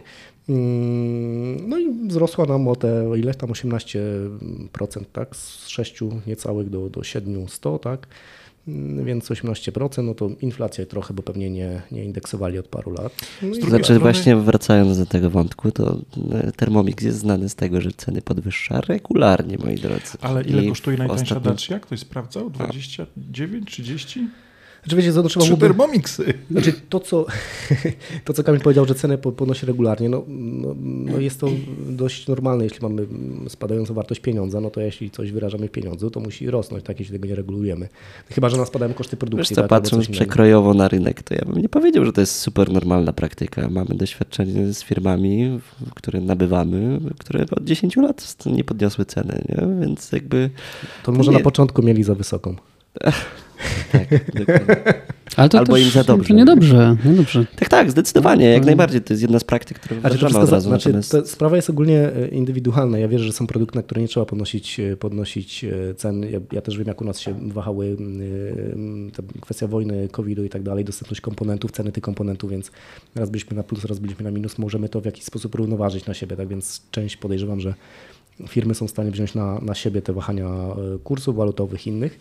Mm, Natomiast no, w sumie indeksowanie o, infla, o inflację, jeśli w produkcie większość, e, znaczy nie wiem czy większość, tak, ale mam wrażenie, że stosunkowo dużą część stanowi prowizja dla, e, dla pracowników tak naprawdę przy rosnących kosztach, znaczy przepraszam, przy rosnących wynagrodzeniach, no jest tak naprawdę rzeczą Bo wiesz, normalną. Mirku, tak? bo jakby generalnie model biznesowy jest, bo to jest Amwayowy model Dokładnie biznesowy, tak, nie? To jest to samo, co mają Tupperware i tak dalej. To jest, to jest rewelacyjny model, bo kurczę, bo jak zaprosisz, zrobisz sobie ten Thermomix party, przyjdzie twoja sąsiadka, która patrzy ci w oczy i kupisz ten Thermomix, bo ci Znaczy- ugotowałam znaczy jest- jedzenie, Ale, nie? ale to wiesz co, to właśnie dlatego, że, że dokładnie ten model sprzedażowy mnie osobiście odstręcza od tego, żeby to kupić, ponieważ ja nie jestem w stanie złapać granicy, gdzie ten produkt jest dobry i ktoś mi go poleca, bo mi go poleca, bo jest dobry, a gdzie mi go poleca dlatego, że po pierwsze wszyscy wokoło niego Pytanie mówili, że on jest- jest dobry, a Mhm. I trzy czwarte z tego mają nasyci. No, wynagrodzenie. nie, no oczywiście, że tak, no i głupio ci jest odmówić, nie? E, Pytanie jest, znaczy- panowie, czy ten model jest dostosowany do dzisiejszych realiów, bo jak sobie popatrzymy przekrojowo, No, jak widać jest, skoro sprzedają. to Avon 9 Avon. miliardów do 2 miliardów spadku na przestrzeni 10 lat. Ale inny, inny, Tupperware, inny, który ale inny też rynek, ale inny rynek, inny produkt. Chwiał się. No, Czy model może być, to nie jest, że model jest niedopasowany do rynku, tylko model być może w tym przypadku, o którym mówisz, był niedopasowany do produktu. Tutaj jak widać jest dopasowany do produktu i poza tym Albo nie tak da jak się normalnie... przesycenie rynku, bo w pewnym momencie nie tylko Tupperware robił e, plastikowe pojemniki, teraz nie tylko Thermomix robi tego typu Dokładnie tak, urządzenia. dokładnie. 250 tysięcy ludzi y, się skontaktowało w ciągu roku. No, pytanie, ile się skontaktuje w ciągu najbliższych lat, to też jakby pokaże, kiedy ten rynek się nasyci. Ale wiesz co, ja wam się przyznam szczerze, raz, raz wziąłem udział w takim Thermomix party. Moja żona była w ciąży, ja z dwójką synów, mówię, kurczę, no kobiecina nie uciągnie. To mi, to mi uratuje życie. To mi, jej przede wszystkim tak, uratuje tak. życie, mnie również, tak? Mówię, kurczę, dobrze, za- skontaktowałem się z taką agentką, znaczy zacząłem od tego, żeby sprawdziłem, ile termomixów z drugiej ręki się sprzedaje na Allegro. Non. Nic się nie sprzedaje. Co mnie przekonało, mówię, kurczę, no to musi być dobry produkt, że tego po prostu nikt nie sprzedaje, kupuje i ma, albo tak sprzedaje szybko, że od razu schodzi na pniu, nie? więc jakby jest sanie. Skontaktowałem się z panią, przyjechała, ugotowała, no i potem pyta, moja żona mówi, nie ma mowy, nie chcę tego, nie? Przepraszam, przepraszam jeszcze raz, bo subskrypcje spadną. Moja żona powiedziała, nie, moje dzieci przez 4 miesiące jadły tylko tosty, bo im tylko to potrafiłem ugotować, ale wyszło im na dobre, całkiem w porządku. Lekka E, witaminoza, ale... Tak, ale generalnie ja osobiście czułem się tak źle, że tej pani potem jeszcze przez dwa miesiące przepraszałem, że, że kurczę, przyjechała, ugotowała i, i nie kupiliśmy. Moja żona, "A, co tam. Nie, no trudno, jakby tak, taka, taka No praca. tak, ale to jest, znaczy dokładnie to jest ta gra na emocjach. Ale dostanę i od żony, ja nie mogę. To jest ta gra na emocjach i, i, i no pytanie, gdzie jest granica, tak? Gdzie jest granica właśnie pomiędzy tym, że No, ale na też produkta model. wchodzisz, wchodzisz w emocje. Ja ten model rozumiem, ale go nie akceptuję. Akcept. Tu jest jeszcze kilka innych aspektów, panowie, bo jak sobie zobaczymy na preferencje konsumpcyjne młodszego pokolenia, no to znowu idziemy w online, więc teoretycznie e, ten, to znaczenie e-commerce rośnie. Pytanie, co się zdarzy w najbliższych latach, jeśli chodzi o ten model sprzedaży. No bo jak zobaczymy, on jest dużo skuteczniejszy w przypadku znowu starszego pokolenia. Kolejnym elementem samego, e, samego Thermomixa jest to, że jakby nie patrząc, wprowadzili subskrypcję. E, Mamy Cookidu, który jest Tak, tak. suplementem No, to do, jest do super Thermomixa, więc automatycznie To budują trochę równie. inną odnogę. I paradoksalnie to jest dostosowanie modelu być może do dzisiejszych czasów i do młodszych pokoleń, jak sobie na to zobaczymy. Kolejnym elementem jest to, że w 2019 tak naprawdę oni wprowadzili nowy model Thermomixa. Jak sobie zobaczycie w ogóle na skok przychodów, który on wygenerował, od 96 milionów w 2019 do ponad 200 w 2021. A ile kosztował ten poprzedni, kojarzysz cenę? Wiesz co, nie, nie, nie patrzyłem. No bo zmiana, szczerze. zmiana była dobrym pomysłem, no bo tak naprawdę wywołać skokowy wzrost sprzedaży można Mm. było tym, że wypuszcza się nowy produkt, daje się cenę wyższą i, i rozprowadza Mm. się te pieniądze pomiędzy sieć dystrybucji, mają wszyscy większą motywację. Yy, Nie, bo oni chyba dodali taki drugi model, że możesz na obu gotować jednocześnie, przepraszam, jestem Tak. ignorantem, ale jakby wiesz, model, sam pomysł był dobry, nie? Bo wprowadzamy, wprowadzamy drugi model, żebyś się nie pozbywał starego, tylko żebyś miał poczucie, że masz komplementarny produkt, nie? Dawid, powiem ci tak, jak masz kuchenkę, możesz też na dwóch patelniach smażyć kotlety. Nie. A jak, No ktoś ma, dobrze. a jak ktoś ma cztery, to, to działa tak samo. No ja wiem, Dopóki ale ci korków nie wwali. to, to jest tak, jak Mirek powiedział, to jest temat, który dzieli ludzi bardziej niż polityka Thermomixy, także, mm, także myślę, że tutaj się wypowiedzieliśmy. Nikt z nas nie ma, więc wybaczcie. Nie mam, ale tak jak mówię, wynika to tylko z tego, że lubię, potrafię i chcę gotować i robię to w sposób tradycyjny i nie chcę sobie odbierać tej przyjemności po prostu gotowania. Okej, dobra, zmieniamy temat. Słuchajcie, to tutaj zabrzmi jak szowinista, ale no skoro kobiety już nie muszą się tak dużo zajmować gotowaniem, bo Łukasz się zajmuje gotowaniem, to, Sobie to mają więcej czasu. Tak, mają więcej czasu na inne tematy. W związku z tym przejdźmy wdzięcznie do kolejnego tematu. Najbogatsza młoda Polka. To jest e, artykuł, który Business Insider znowu mm, e, napisał.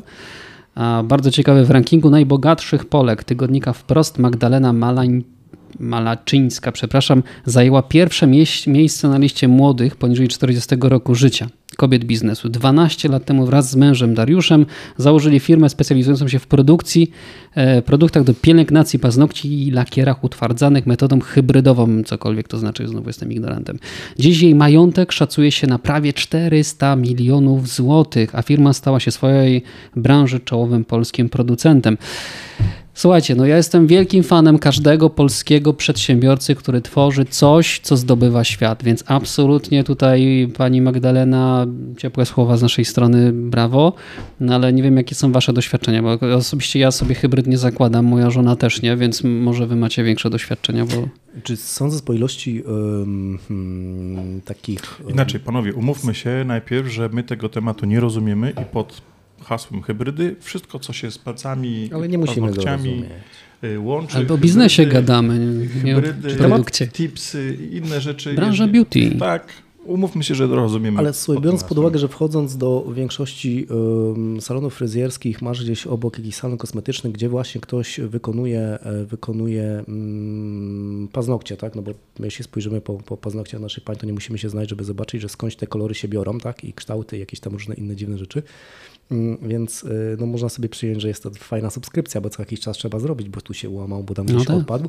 Y, Więc no, jakby super, e, super, no zazdroszczę, tak? Zazdroszczę, bo fajny patent, tak trochę takie, takie jednorazowe maszynki Gilletta, nie?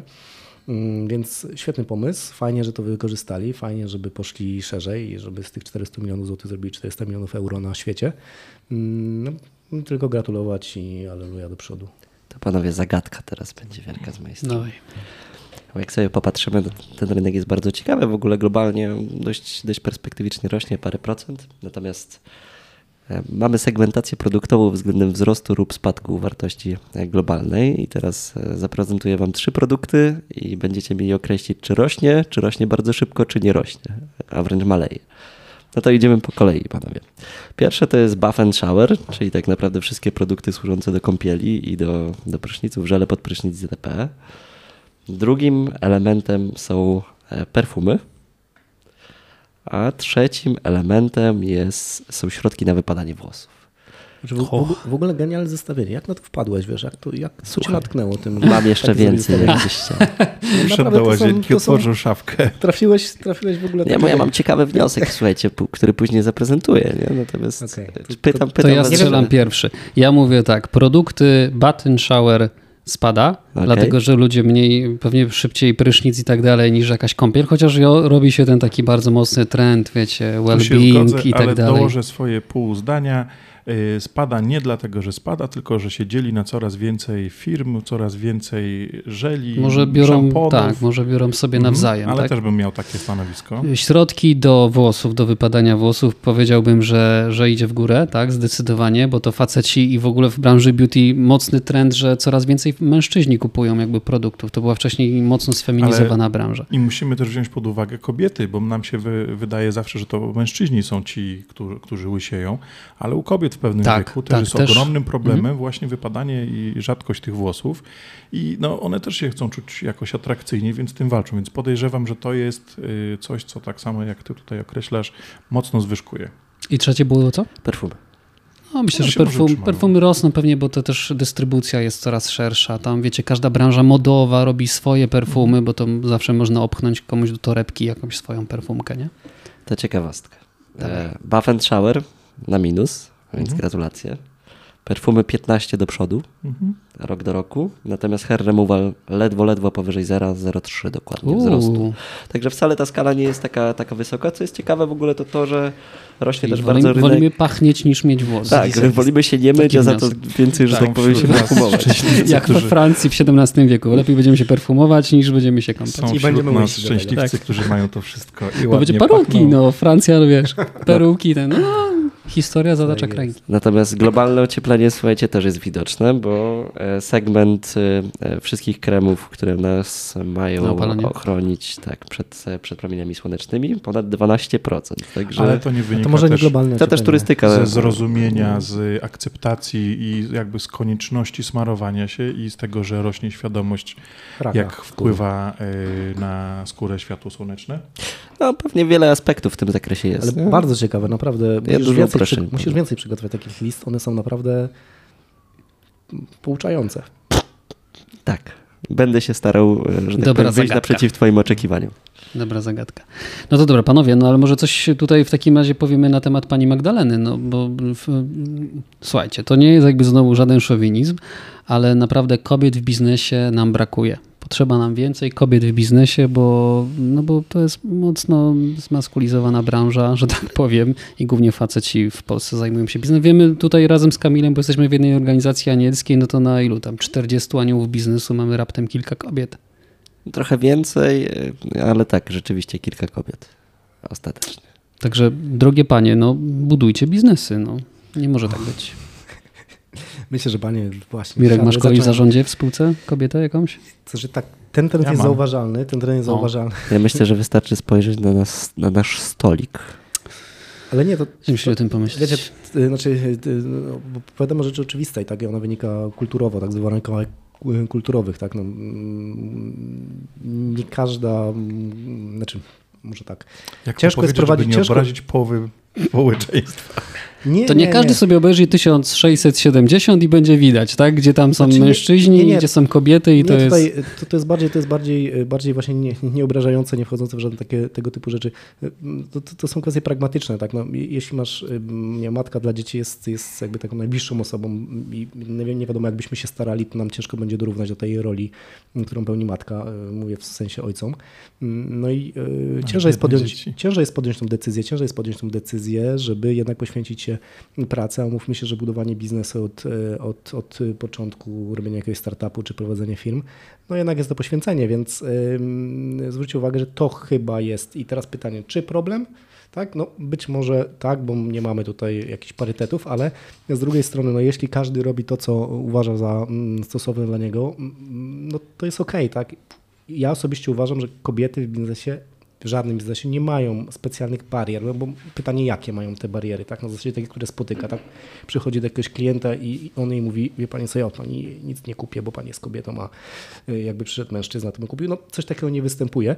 Raczej to jest kwestia wyborów i dopóki te wybory są zgodne z, z, z takimi, z własnym poczuciem bycia szczęśliwym, to jest okej, okay, tak? Więc chyba nie ma kogo zachęcać, tak? Po prostu. Nie, no też się zgadzam, że nie ma barier. Nie żyjemy w krajach, za przeproszeniem, arabskich, tak? Ale słyszałem takie powiedzenie mm, kobiece, powiedzenie w biznesie, że kobieta musi robić cztery razy więcej, żeby osiągnąć połowę tego, co osiągnie facet. Znaczy, no, ten, ten znaczy, aspekt powiedzenie ugodowości jest bardzo, bardzo jest fajne, tylko jakby zejdźmy, jakby, jakbym usłyszał konkretny przykład, nie? Na mm. zasadzie, bo no, jak schodzimy, znaczy tak, tak, tak, nie, absolutnie jestem, znaczy du, dużo pożekadów się sprawdza, tylko i coś w nich zazwyczaj jest, tak, tylko pytanie, czy to przystaje do obecnych um, czasów i obecnej sytuacji, w której my jesteśmy tutaj akurat konkretnie w Polsce, bo oczywiście to może być gdzieś występować.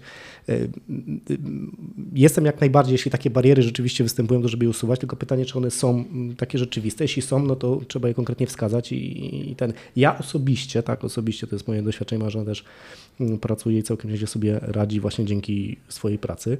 Mm, nie wiem, czy jeśli bym pracował w podobnym, teraz jeśli bym poszedł na etat, to nie wiem, czy nie zarabiałbym gorzej od niej, tak, więc y, mm, no, nie do końca łapę ten, ten fragment, gdzie, gdzie tutaj mamy tą taką barierę, o której wszyscy mówimy, wszyscy ją zwalczamy, tak, ale właśnie zapytanie, ale konkretnie o jakiej sytuacji mówisz, to y, zazwyczaj jest, no, no ogólnie tak jest, nie? Mhm. Przede wszystkim wejście do biznesu, zwłaszcza większego, wcale nie jest łatwe. Więc sukces tutaj koleżanki, on pewnie nie wziął się z niczego.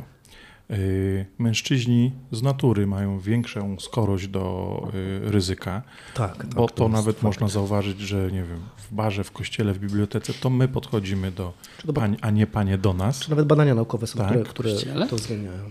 Różne są miejsca, niezbadane są wyroki nie, boskie. Nie, nie, nie ciągnijmy tego tematu. Ale do czego dążę? Y, fajnie, że się pojawiają kobiety. To nie jest pierwszy sukces kobiety, która osiąga jakieś duże wyniki, dużą sprzedaż w branży związanej z kosmetykami, bo chociażby Procter Gamble od lat był zarządzany przez kobietę, jedna z najbogatszych zresztą. Albo Irene, Irena Eris, nie? Tak, więc to też pokazuje, że kobiety świetnie się czują w biznesach kierowanych do kobiet. To jest fajne. To też kwestia empatii na pewno. Tak? Empatii, zrozumienia i przede wszystkim rozumienia ich potrzeb. Ja myślę, że to, to o czym rozmawiamy. To... Kamil, jakbyś się czuł, jakby do ciebie byś zajechał do mechanika samochodowego, a tam trzy kobiety, jeszcze młode, ładne. No, oczywiście, że fenomenalnie. Kawę byś wypił, kawę byś wypił, ale powiedział, wiecie co, chyba ten samochód aż tak zepsuty nie jest. A może w drugą stronę. Ale patrz, założył, założył, założył że one byłyby niekompetentne. Dlaczego? Dlaczego? No Ups, nie, no bo mówi, że, nie mówi, że poczułbyś się źle. Nie? U, Łukasz założył, że ty no. poczułbyś się źle. Dlaczego A, się poczuć źle? Ja bym się poczuł. Nie, mówmy się, są takie miejsca, gdzie na dzień dzisiejszy jeszcze, chociaż to się zmienia, mm, widok kobiety budzi zainteresowanie. Pamiętam, jak przeprowadziłem się do Krakowa i mnie odebrała z przystanku taksówkarka. Ja wiem, z jakimi uczuciami darzyłem pierwszą panią, którą widziałem w autobusie jako kierowcę. Więc fajnie, że te kobiety się pojawiają, że przyjmują też takie typowo męskie mm, e, zawody i fajnie, że to jest e, reklamowane, że o tym się po prostu mówi. Ty e, fajną rzecz powiedziałeś, typowo męskie. One są typowo męskie z tego względu, że przyzwyczailiśmy się, że one tak, są typowo męskie, ale tak naprawdę nie ma żadnego powodu, dla którego miały być tak. męskie czy, czy damskie. Po prostu tak komu się podoba ta praca to i ma kompetencje, to niech tam pracuje. Pamiętajmy o tym, że to się zaczęło pojawiać na naszych oczach w ciągu ostatnich 10-20 lat. Tego wcześniej nie było. Tak, to zdecydowanie widoczne. Zapominasz, kobiety, zapom, zapominasz hasło kobiety na traktory. Nie, nie pamię pamiętam bardzo dobrze, aczkolwiek umówmy się, no, nie, nie wiązała się z tym jakaś duża ilość kobiet, który, tak, która by to rzeczywiście robiła. To też jest współmierne z tym, że przesuwa się ta granica macierzyństwa tak, w Polsce. Ona jest coraz wyższa, jeśli się nie mylę, więc dostatecznie rzecz biorąc e, tego Wyższa, czasu na, na karierę zawodową. przejmują jest... pewne obowiązki, co też ułatwia tak, tak. dostępność do żłobków, przedszkoli, do szkół. No, no, czym jakby bardziej tutaj ułatwimy kobietom, ale tak naprawdę rodzinom, tym więcej się tych kobiet w biznesie będzie pojawiać. Także podsumowując ten temat, zapraszamy kobiety do budowania biznesu, bo w dzisiejszych czasach naprawdę nie ma różnicy, jeśli chodzi o używanie narzędzi. Tak? Czy jeśli kobieta jest kierowcą, czy tak jak w armii izraelskiej ma obowiązek służenia w, w armii, to karabin w rękach mężczyzny potrafi zrobić tyle samo szkody, co w rękach kobiety. Także to nie ma zupełnie znaczenia. Komputer waży tyle samo dla faceta, co dla kobiety. Także zapraszamy kobiety, żeby aktywizować się, żeby jakby budować te biznesy, bo no, myślę, że tutaj statystyki są nieubłagane. Przejdźmy dalej, ale dalej w klimacie kobiecych bizneswoman. Słuchajcie, temat gruchnął w tym tygodniu, bardzo głośny. Dominika Kulczyk sprzedała rezydencję w Londynie za rekordową kwotę. I to rekordową jak na warunki brytyjskie. I tu znowu Business Insider pisze. Druga transakcja, tak? W Druga skali największa W tym roku. w 210 milionów funtów była chyba największa. Kurczę, masakra. Słuchajcie, e, drugą stroną tej umowy jest e, indyjski bogacz, pan Adar. Król to- szczepionek. Pan Adar Punwala? Punwala? Może przeczytajmy po polsku, żeby się nie myczyć. Ponawala. Pan Adar Ponawala, który zrobił fortunę właśnie, tak jak Kamil powiedział, na szczepionkach. I to rzeczywiście jest największa transakcja, e, dlatego że opiewa ona na 138 milionów funtów, czyli około 693 miliony złotych. Dominika Kulczyk, która według rankingu w tym momencie jest, e, która? Chyba szósta najbogatszą Polką?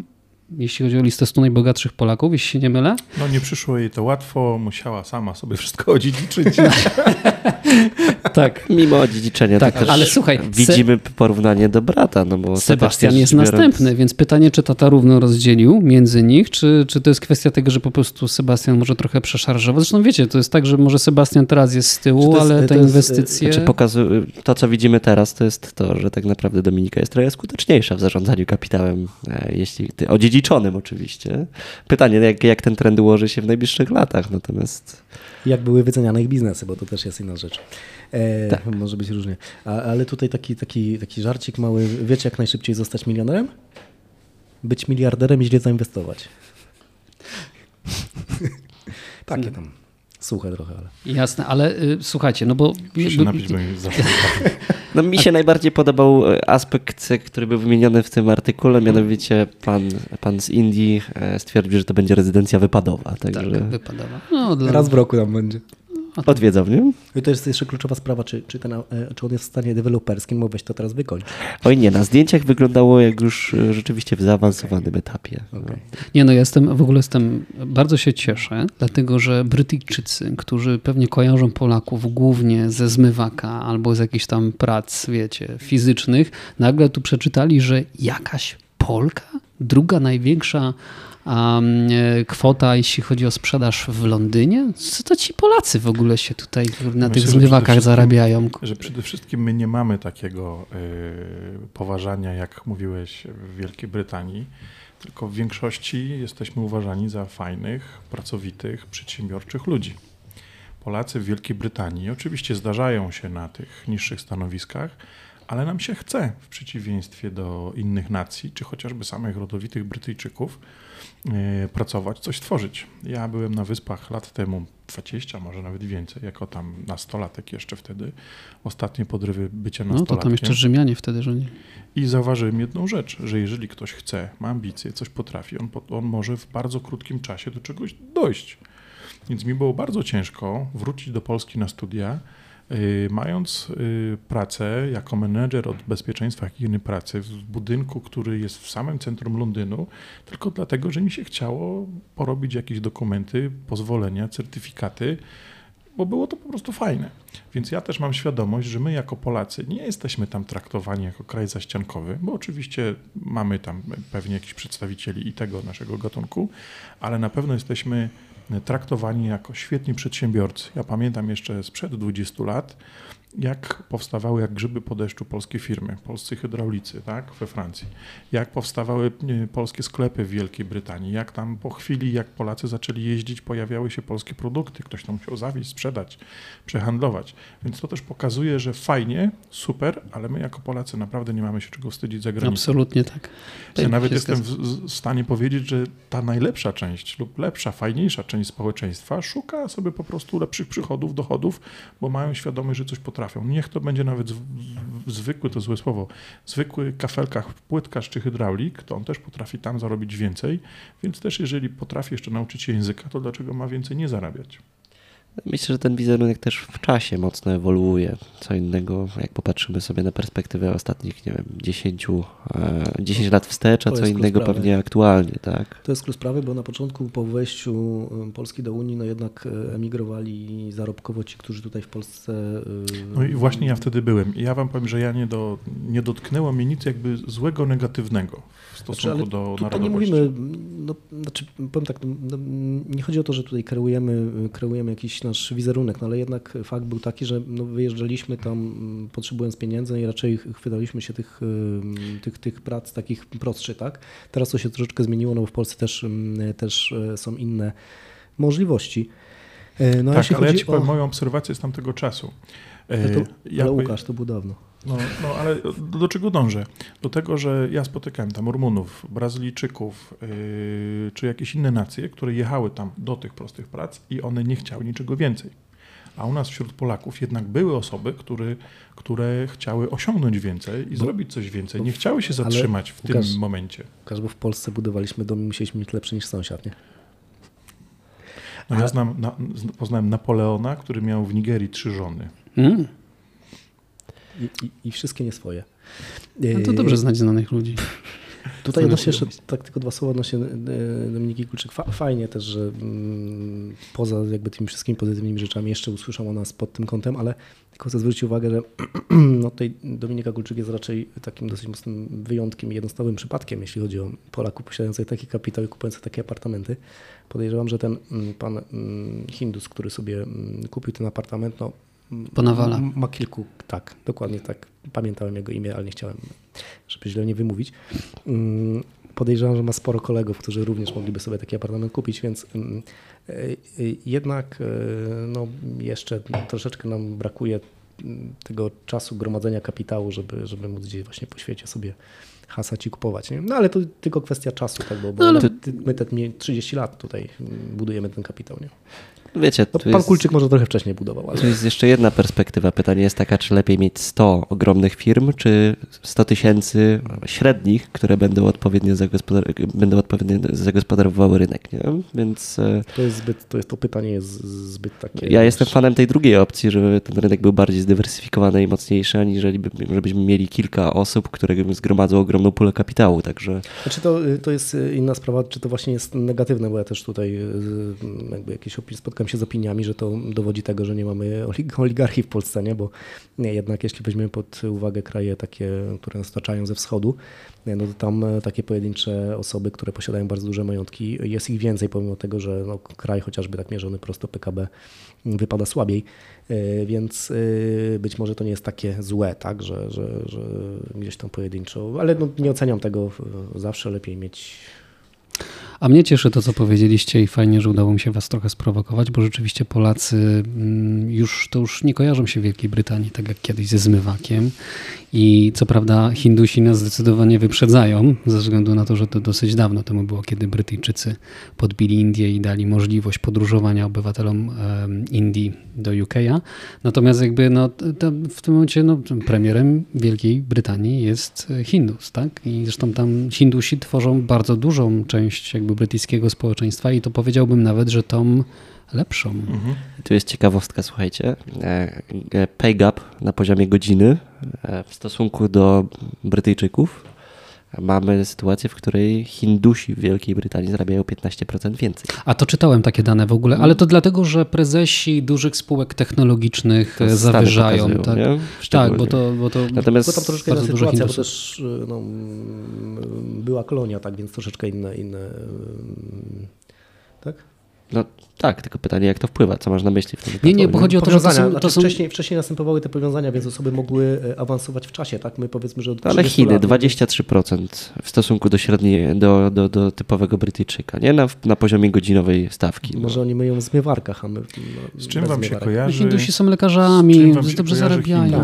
Lekarz plus informatyk, plus tak. osoba, która tak. no to, to w dziale IT. Wyższe wynagrodzenie. Z czym wam się kojarzy Brytyjczyk, Anglik, Pytanie, czy poruszamy się po stereotypach, czy to, to, to jest rzeczywistość, nie? Bo, bo, bo mnie ostatecznie... To, mnie to znowu 20 lat temu uderzyło, że to nie są panowie w cylindrze, tylko to są takie nasze blokersi w dresikach z Gdzieś ty powbijanymi był. zębami. Różnie byłem. No jakbyś był na brytyjskiej wsi pewnie, a nie w Londynie, w jakimś tam podłej i w, dzielnicy. I w, Londynie, to- I w Szkocji, także po- powiem szczerze, uczciwie, że mnie uderzyło to, że ja jako Polak potrafiłem więcej, opowiadałem więcej ciekawych rzeczy niż ci zwykli tacy, Mhm. zwykły taki kowalski, angielski czy szkocki.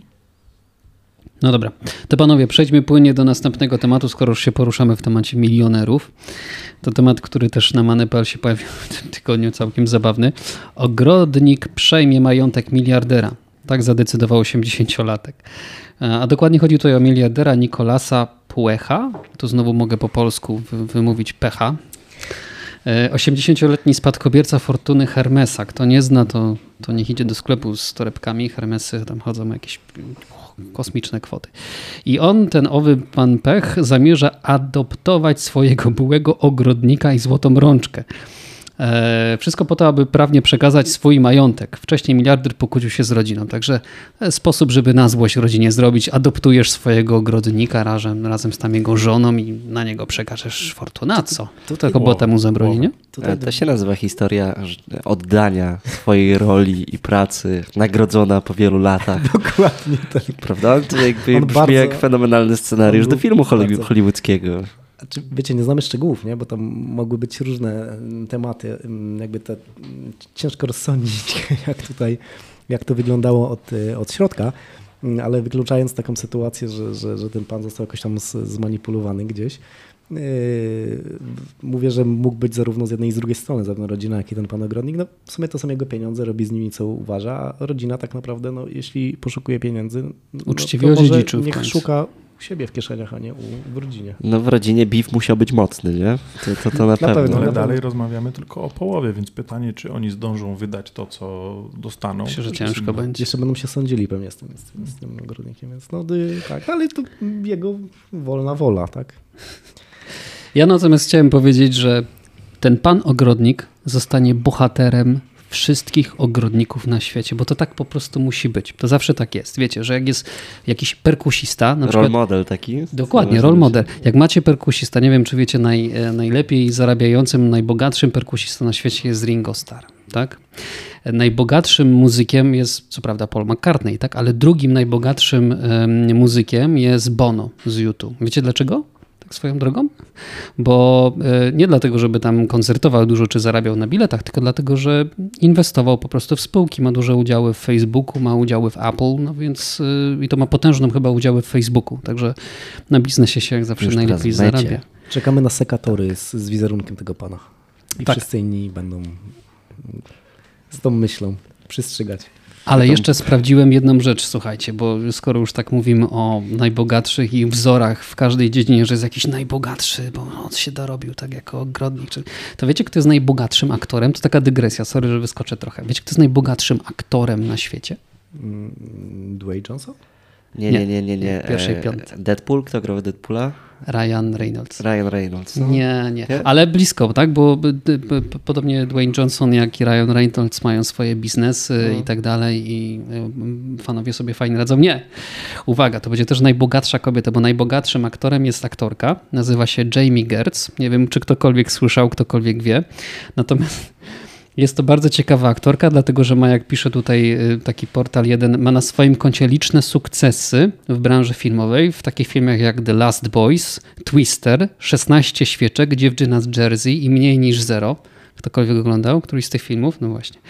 Ale Mister coś tam kojarzę na Polsacie, ale to nie. Twister coś tam leciało, nie? Tam. Natomiast y, tak się przypadkiem składa, że pani Jamie Gertz poślubiła amerykańskiego biznesmena Antonia Russella, który jest współzałożycielem firmy zarządzającej aktywami o wartości ponad 136 miliardów dolarów. Wspólnie z mężem kobieta jest właścicielką dwóch drużyn koszykarskich NBA, Atlanta Hawks oraz Milwaukee Beavers. I teraz najlepsze, co mnie urzekło najbardziej.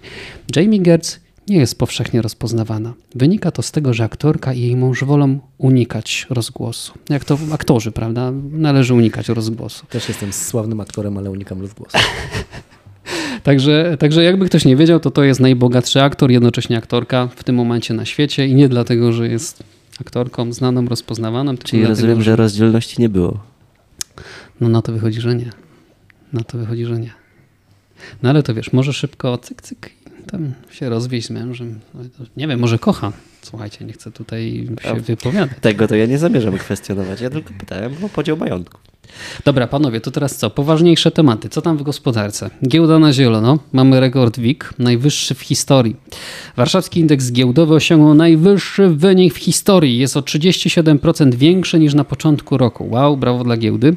Większość spółek notowanych na WIG 20 zyskuje. Pozytywne doniesienia z giełdy zbiegają się w czasie z informacjami o szybkiej wypłacie części środków KPO, czyli jakby znowu nastroje inwestorów poprawiła informacje i doniesienia na temat KPO. Rekordzistą jest Pepco. Chyba nie muszę mówić, dlaczego Pepco w tym okresie, który jest na plusie 8,3%. Warto powiedzieć, że firmy rosły już w czwartek. Allegro ponad 5%. No to myślę, że Pepko chyba zaliczyło dos- dosyć duży zjazd wcześniej. Tak. Mhm. tak, było, były gromy tam. Co jeszcze? PZU tutaj zyskuje, JSG zyskuje, no i generalnie banki. Także jak ogólnie tam? Wszystkie te spółki, znaczy polska giełda ogólnie mm, fundamentalnie bardzo fajnie, mm, bardzo uczciwie i bardzo dobrze tak była mm, y, wycen, znaczy inaczej, była niżej wyceniana niż wskazywałyby na to fundamenty właśnie przez negatywne sentymenty związane z, z rządzeniem i z innymi y, okolicznościami. No i w tym momencie jest chyba takie odreagowanie na zasadzie y, Tak myślisz? odpuszczamy troszeczkę. E, Znaczy w mojej ocenie, patrząc po wskaźnikach, no to wyglądało to w ten sposób, że po prostu spółki były wyceniane nisko, też nie było zaufania do polskiej, do złotówki, w związku z czym e, ten kapitał e, gdzieś nie napływał, bo, bo też zwracam uwagę, że ta giełda, e, znaczy szczególnie WIG20, on nie rośnie dzięki takim inwestorom indywidualnym polskim, że my tutaj zaczęliśmy inwestować, tylko naprawdę bardzo, bardzo, bardzo małe ruchy inwestorów zagranicznych powodują wahania. Mm, Jeśli zobaczymy kapitalizację polskiej giełdy do, do, do, do nowojorskiej, to, to naprawdę dwóch czy trzech małych inwestorów może, może wywołać takie ruchy mm, na naszej giełdzie. Yy, No po prostu jesteśmy małym stosunkowo tym, ale ogólnie dobrze, tak fajnie. Yy, W mojej ocenie to też całkiem niezły, to zresztą w jakiś tam sposób mm, potwierdzam własnymi działaniami. Yy, No i po prostu są dobrze wyceniane, tak? No, mało jest takich giełd, które byłyby tak wyceniane. No, jeśli zdyskontuje się wszystkie ryzyka, typu wojna za granicą plus niestabilność, czy też wątpliwa stabilność prawa, No, w mojej ocenie to całkiem fajne. miejsce, Zarobiłeś na żeby- giełdzie w tym roku, Mirku? Znaczy, ja, yy, tak, tak, tak, tak. Znaczy, ogólnie biorąc, to nie są jakieś spektakularne, spektakularne, ale moje podejście jest po prostu, to co powiedziałem teraz, odzwierciedla Mhm. mniej więcej to, co robię, czyli w skrócie znajduję spółki, które są bardzo dobre, ale są wyceniane kiepsko z tego względu, że z jakiegoś powodu ktoś ich ak- aktualnie nie lubi, tak?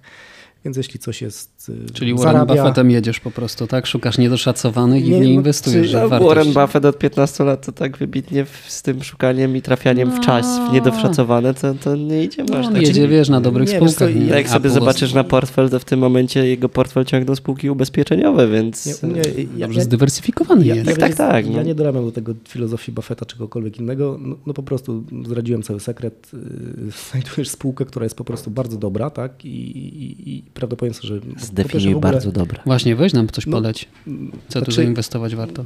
No, Bo jeśli, wiesz, jeśli przepraszam cię, jeśli, czy- jeśli, jeśli podstawowe wskaźniki, znaczy wiecie, bo normalnie jeśli mówimy o giełdzie i tam jakieś szkolenia, wiem, coś się na Facebooku świetli, to tam wiecie, nie, analizy, różne analizy i tak dalej. No ale jeśli weźmiemy sobie takie podstawowe wskaźniki, czyli, mm, czyli e, ile zarabia w stosunku do jej wartości, jaki ma majątek, jakie ma zadłużenie, jaką ma płynność, plus to, e, plus to mm, jak się wiedzie w jej branży, tak? No tutaj fajnym przykładem, e, nie wiem, węgiel, energetyka, tak? E, No tak naprawdę tam te fundamenty są stalowe, tak? No bo no, nie padną te spółki energetyczne, bo nie zrezygnujemy nagle z, z, prądu, więc one będą trwały. I tam te wahania są tylko i wyłącznie powodowane albo jakimiś ruchami rządowymi, albo ruchami e, takimi mm, negatywnego sentymentu, tak? No jak powiedzieli, że będzie że będą obciążenia na spółek energetycznych, to poleciały. Tak? Jak e, teraz zmieniły, zmieniło się, zmienił się rząd, e, no to poszły w górę. I to są wahania stosunkowo duże, więc no w skrócie mm, nie żadne jakieś, znaczy tak jak mówię, to, to jest moje podejście. może każdy może mieć inne. E, Ale, ale na polskiej giełdzie, jeśli przefiltrujecie sobie poprzez wskaźniki takie właśnie jak, jak zysk do, do wartości, do, do ceny akcji, czy do takiej wartości e, księgowej, znajdziecie X spółek. Oczywiście nie wszystkie są jakimiś tam świetnymi dealami, bo też z jakiegoś powodu czasami bywają źle wycenione, mm, ale można złapać coś takiego, co aktualnie wszyscy to hejtują, tak? albo nikt o tym nie mówi, no i zazwyczaj wystarczy kupić i zaczekać. Nie? Także... Ja ci powiem tak, wrzuciłem wczoraj takiego tweeta, że jestem zadziwiony, że w Polsce influencerów fitnessowych obserwuje sryliard ludzi, a influencerów e, biznesowych tak bardzo mało. Nie? I jakby ludzie tam miałem dosyć sporo jakby odpowiedzi, rzeczywiście trafnie powiedzieli, że tych influencerów e, finansowych, biznesowych w Polsce, to większość ludzi to finguje, to znaczy, że nie są prawdziwi, natomiast no fitnessowych, no to ciężko sfingować, jak masz dobre ciało i wiesz, tak, no zrobiłeś. No, i dodatkowo jedno od drugiego jest zdecydowanie prostsze, tak, bo no, ja, ja, nie chcę umniejszać, tak, ale no umówmy się, że, że... Takie głosy też były, tak, że łatwiej jest zrobić formę niż, niż kasę, I nie? wtedy mało tego może dawać bardzo skuteczne rady, które są w 100% sprawdzalne. I na przykład mogę ci poradzić, żebyś siadł mniej, nie, niż teraz jesz i będziesz szczuplejszy w przyszłym przyszłym roku i to się sprawdzi no tak, na 100%. To podstawowe tak? założenie, ale w biznesie jest to samo. Odnośnie biznesie może być troszeczkę, no, jeśli chodzi o inwestowanie, może być troszeczkę e, bardziej to kłopotliwe, żeby przewidzieć przyszłość, więc e, no, lubimy proste rozwiązanie stąd. Ale e, to, co powiedziałeś, że, że obserwujących jakby kwestie biznesowe to jest jedno, ale zwróć uwagę, o ile mniej są popularni naukowcy albo ludzie, którzy robią naprawdę fajne rzeczy i to takie wartościowe rzeczy tak naprawdę tam albo sportowcy, które, nawet polscy sportowcy, którzy noszą fajne sukcesy Emocje. w tak. Branżach, w których, w których y, w dyscyplinach, które nie są aż tak e, skomercjalizowane. Nie? No ale to taki tam. To ja też lubi. popełniłem taki, taki, e, taką publikację na LinkedInie, gdzie zacząłem takimi świetnymi słowami, które pamiętam, że powiedziała pewna pani doktor na początku pandemii COVID, która powiedziała, że um, płacicie piłkarzom miliony, a lekarzom tysiące, to teraz idźcie do piłkarzy, żeby wam znaleźli lekarstwo tak, na pandemię. Czy to było troszeczkę przejaskrawione? Bo akurat... Nie, no oczywiście, że tak, ale tak, fajnie pokazuje, tak, nie, że po prostu, tak, wiesz, płacimy tak, za tak. rozrywkę dużo większe pieniądze niż płacimy jakby za, za racjonalne rozwiązania, wiedzę i tak znaczy, dalej. Tutaj, y, to znowu temat, chyba musielibyśmy go troszeczkę szerzej też przy, przywołać jakieś materiały takie bardziej e, statystyczne, ale y, no, na służbę zdrowia nie płacimy tak mało, tak? To jest kwestia wykorzystania tego, ale racja, że uważam, że mm, no, pewne, pewne branże są, jakby to powiedzieć, mocno przeinwestowane w mojej ocenie, jeśli chodzi szczególnie o sport. Nie? Tak. Dobra, tak. no ale to skoro już poruszyłem temat tego Twittera, o którym powiedziałem, to tam wiele głosów pojawiło się, że to dlatego, że ludzie w branży finansowej, ci influencerzy fingują, a nikt nie chce swojego portfela pokazać. Więc Mirku, to może takie trzy spółki, które są hot według ciebie. Znaczy, y, to może, nie jest żadne może, doradztwo, może żeby tyle, było jasne? Nie tyle, nie, nie tyle, które są hot, ale które ja uznałem za rozsądne, to było CCC, Allegro i CD Projekt. Tak? No to Allegro 5%, no to się ale, dało zarobić. Y, y, tylko, że ja go kupiłem jeszcze w innych cenach, więc znaczy ja aktualnie... Na górce czy na dół? Znaczy ja nie podałem Ci tych jakichś spektakularnych, spektakularnych wyników, tylko te, które uważam, Jasne. że są nie, okay. niedoszacowane. Mm, więc y, no to taki przykład, tak? Ale mm, trochę tego jest, a zobaczymy, co będzie później, tak? Dobra, dobra. Łukasz, to strasznie cicho jesteś. Co to jest giełda? no, dlatego postawiliśmy na to, żeby byli tu różni przedsiębiorcy, którzy mają różne doświadczenia. No przede wszystkim, panowie, trzeba spojrzeć na tę polską giełdę, nie odrywając jej od globalnej sytuacji gospodarczej, tak myślę. Nie? Bo... I czasu przede wszystkim. I czasu, Jeżeli tak. rozmawiamy o bankach, gdzie sytuacja frankowiczów się uspokoiła, Wysokie stopy procentowe powodują pewnie proporcjonalnie większy zysk na akcjach kredytowych, no to one generują większe zyski. Większe zyski, jeżeli połączymy z wypłatą dywidend, y, wiążą się z większym zainteresowaniem zakupowych takich akcji. Większe zainteresowanie zakupowe no. w stosunku do ilości osób, które chcą zbyć takie akcje, powoduje wzrost akcji. Więc no, tu umówmy się, tutaj na, na, nakłada się bardzo dużo czynników politycznych, zmiana władzy, odblokowanie. Pozwolę się nie zgodzić z wami. Z wami z... Koniec roku, pewne możliwe do przewidzenia już y, podsumowania Łukasza tych. nie przegadasz. Zaczekam aż skończę. Już, proszę. E, znaczy tak y, tutaj co powiedziałeś, znaczy moje subiektywne, w oderwaniu od, od, wiadomo, że nie możemy oderwać w pełni, ale nasza giełda była oderwana troszeczkę od y, sytuacji światowej, bo jeśli porównamy do, do wyceny indeksów na, w Stanach, a w Polsce, no to jednak one gdzieś szorowały. Mm, to jest jedna rzecz, więc tutaj e, raczej nasze lokalne e, specyfika powodowała, że w mojej ocenie tak, była bardziej oderwana niż powinna być od globalnych rynków. A e, tutaj to, co Łukasz powiedziałeś, nie do końca, bo szczyt wypłat dywidend mieliśmy przed tym wzrostem. Teraz mamy jakieś szczyty, ale Chodzi były naprawdę, to, spółki były bardzo fajnie, płaciły bardzo fajne dywidendy, a wręcz te... pozorom były bardzo nisko wyceniane, więc yy, to właśnie, ale to jest to, to, to, to, co, to co chciałem tak, powiedzieć. ale czyli... jeżeli masz raporty z, już z trzech y, kwartałów, gdzie wiesz, że na przykład bank wypracowuje coraz większe zyski, spodziewasz się, że cały rok się ładnie zamknie. Wiesz co, tylko, że, względem o tym. No tak, tylko teraz, y, teraz w mojej ocenie te ceny już nie są tak atrakcyjne. Jak nie wiem, zerkniesz sobie na, na ceny banku, one już są gdzieś tam w szczytach, tak? więc w mojej ocenie ja w tym momencie bym już tego nie kupił. Tak? E, fajnie można było to przewidzieć w sytuacji, w której zaczęły rosnąć stopy procentowe, zaczęło rosnąć oprocentowanie mm, kredytów i wtedy było wiadomo, że wzrosną e, przychody odsetkowe banków i, i, i ci, którzy wtedy weszli, to bardzo fajnie sobie na tym zarobili. Tylko właśnie znowu wtedy było to wahanie odnośnie kwestii kredytowych, frankowych i to było takie na zasadzie, w którą stronę pójdzie bardziej. Nie? E, ja, ja, myślę, że na bankach e, sporo osób daleko bardziej e, zaawansowanych ode mnie i będących bliżej sektora bankowego sporo zarobiło. W mojej ocenie na chwilę obecną polska giełda jest, wcale to nie są jakieś takie szczyty, tylko taka jest wyceniana. Czyli stać nas na więcej. No tutaj też ciekawym aspektem tak. są wskaźniki PMI, bo jak zobaczymy, to, to powolutku się odbijamy. Ten trend nie jest widocznie wzrastający, ale jest wzrastający. Myślę, że ten najgorszy okres dla firm produkcyjnych przypadał gdzieś tam pewnie na drugi, trzeci kwartał tego roku. Dla firm usługowych, szczególnie IT, to był przełom roku. I wydaje się, że powoli zmierzamy w odpowiednim kierunku do tego, żeby, żeby rzeczywiście tę, tę płynność działania e, zyskiwać. Pewnie jak się popatrzy na duże spółki w Stanach, typu Facebook i Mety i inne rzeczy, no to, to u nich widać te dwucyfrowe przychody powoli. Także to też jest ciekawy kierunek. W ogóle jak zobaczymy na sytuację globalnie, to spadająca inflacja, rosnące PKB i niska stopa bezrobocia to jest, to jest jakiś taki bardzo ciekawy przypadek historyczny. Mhm. E, tutaj też jest ten aspekt, który, o którym dudni się od dłuższego czasu, czyli jakieś tam przygotowanie do recesji, recesja, która teoretycznie jest, jest przewidywana. Jak zobaczymy na, na, na, na przewidywania, to e, wskaźnik dla Niemiec wynosi ponad 65%, natomiast dla Polski to jest tylko i wyłącznie 12,5%. Pytanie, no właśnie, jak to, to rzeczywiście się będzie implikować. To przejdźmy dalej dopłynnie do następnego tematu w takim razie, bo rzeczywiście coraz gorzej z gospodarką. A jeszcze Unii. tylko tutaj y, dodam, bo poruszyłeś temat tego właśnie, że mm, finansiści nie pokazują, czy ci doradcy, tacy finansowi, mm. którzy się kryją na te osoby, nie pokazują. Mm, bardziej zamiast e, stanu rachunków, e, bo tam możemy widzieć kwoty niezrealizowanych, to, to raczej PIT na koniec e, roku, bo wtedy jest dokładnie PIT 8C.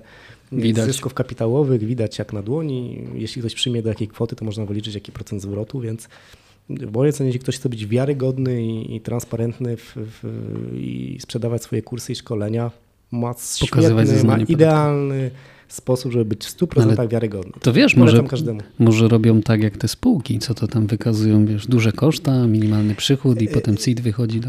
No tak, ale jeśli, no bo mm, na rachunku możesz mieć dowolną, dowolną, w zależności od bieżącej sytuacji, możesz mieć dowolną wycenę tych e, walorów, które masz, na drugi dzień one mogą być inne, tak więc mm, nawet jeśli nagrywałeś jednego dnia podcast albo szkolenie, a drugiego coś się stanie, to, to wycena tego portfela jest mniejsza.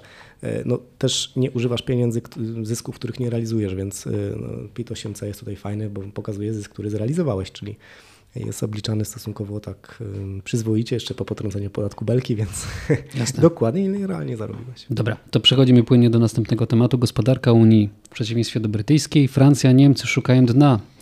Więc y, tutaj Business Insider e, zaproponował nam taki artykuł. Najnowsze badania pokazują, że przedsiębiorstwa w Unii Europejskiej widzą przed sobą gęstniejącą mgłę. I słowo recesja będzie się wkrótce coraz częściej pojawiało w nagłówkach, to o czym Kamil zaczął tutaj mówić.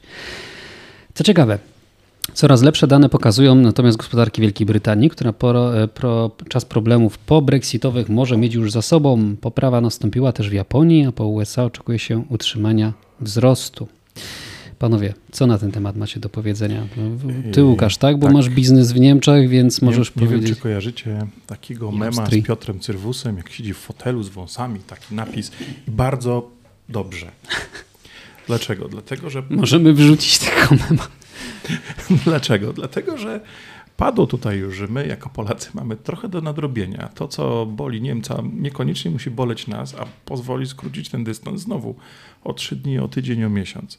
Z mojej perspektywy słabość rynku niemieckiego, czy tam jakiegoś zachodnioeuropejskiego, to jest słabość mojej konkurencji, niekoniecznie moja. Ja w tym samym czasie mogę wykonać trzy ruchy, których oni się będą bać wykonać przez słabość rynku, przez jakąś niepewność, a w tym samym czasie osiągnę takie wyniki sprzedażowe, które będą mnie zadowalać i nagle się okaże, tak jak było i w Polsce, marka, którą stawiamy, którą robimy, okazuje się może nie jakimś super największym graczem, jeżeli chodzi o całą branżę, ale mocno widocznym, mocno zauważalnym i takim, który się rozpycha rękami, nogami.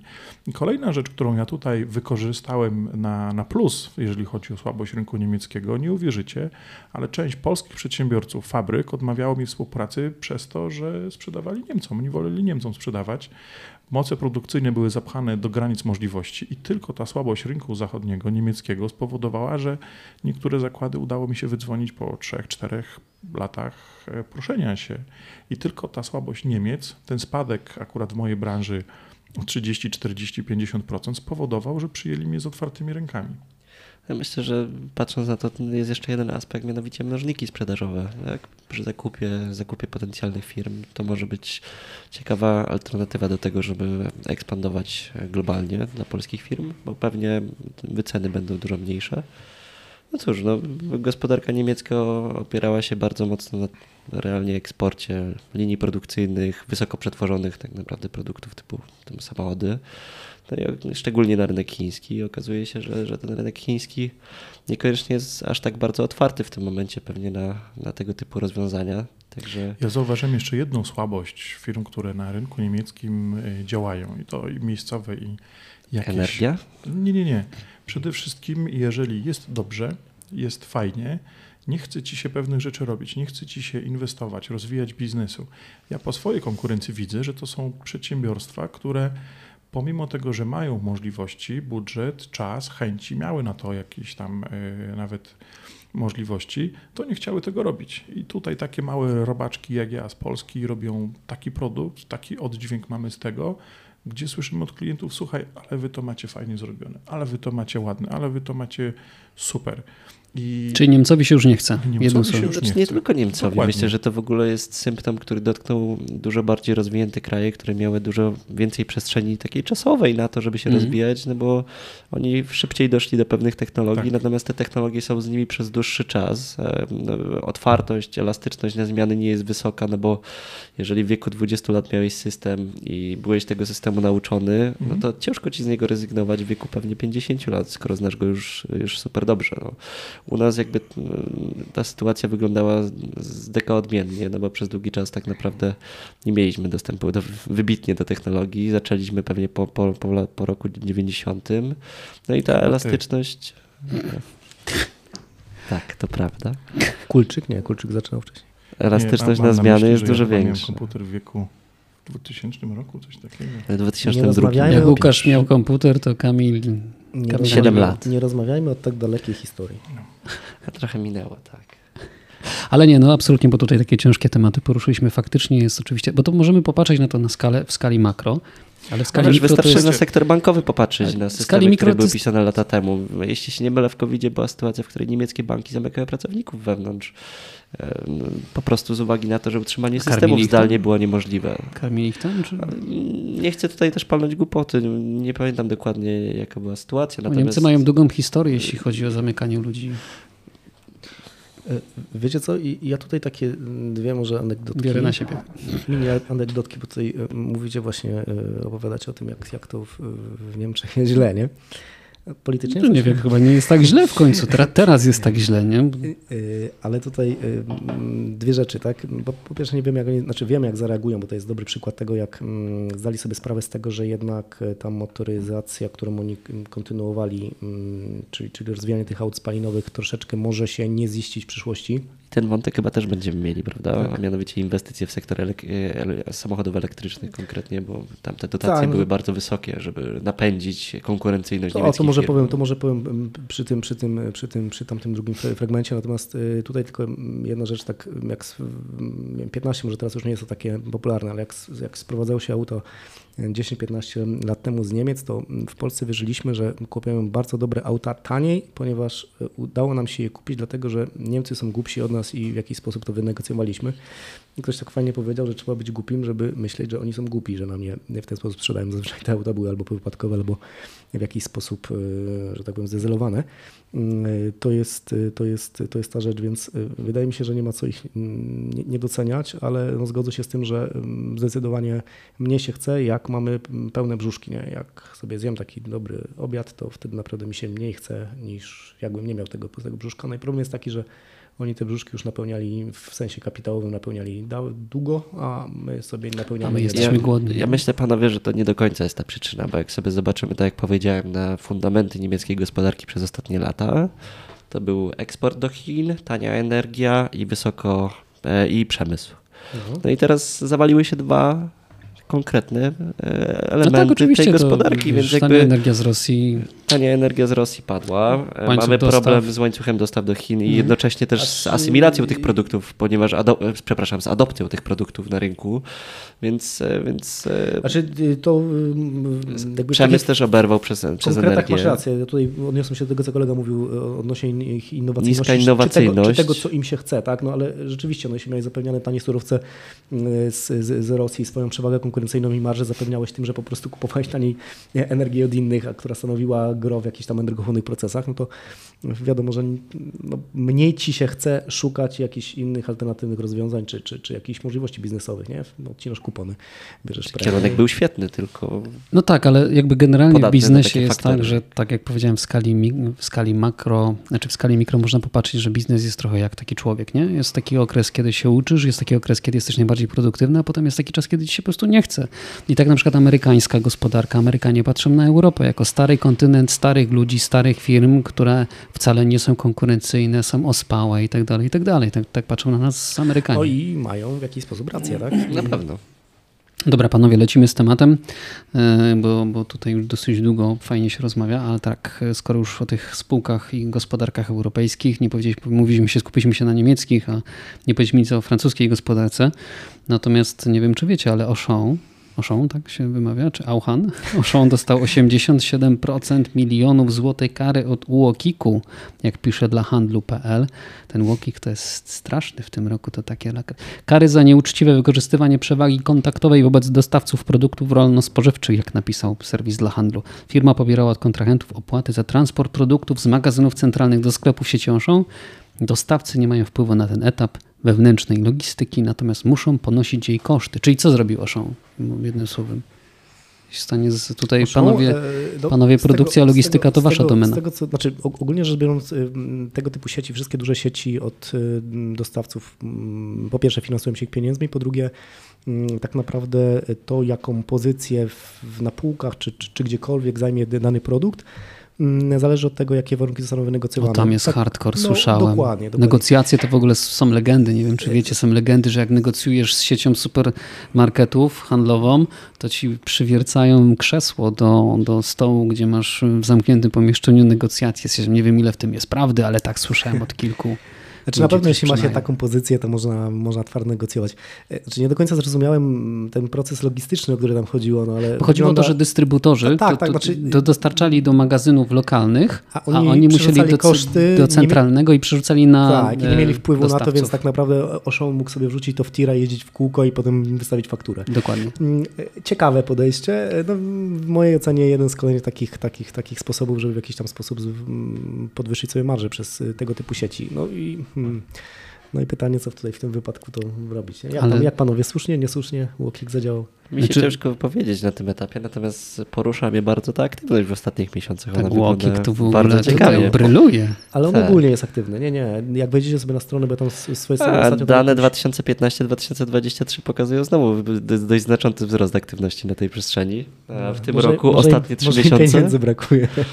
Amrest 3,2 miliona złotych, Boryszew 2,8, Brembo Poland 1,8 miliona. Ale nie, to mówisz o jakichś drobnych. Grupa producentów drobiu, milion złotych. To ale to w ich skali to, to wiesz. Poza to tym tak... Amazon, Vectra, znaczy wiecie, to znaczy umówmy się tak, to co jest głośne i takie jakby bardzo widoczne, no to jest to, że oni dają te kary, a potem firmy się odwołują i potem znaczy, nikt tego już nie śledzi, yy, kto naprawdę dostał tą karę. Ja może nie wchodząc w szczegóły, żeby tutaj y, pewnych, y, nie wchodzić w jakieś drażliwe tematy, powiem tylko tyle, że mm, tak, y, te kary, o których powiedziałeś, one nie są w żaden sposób dla tych firm znaczące, tak? Oni więcej podejrzewam wydają na papier do kopiarek.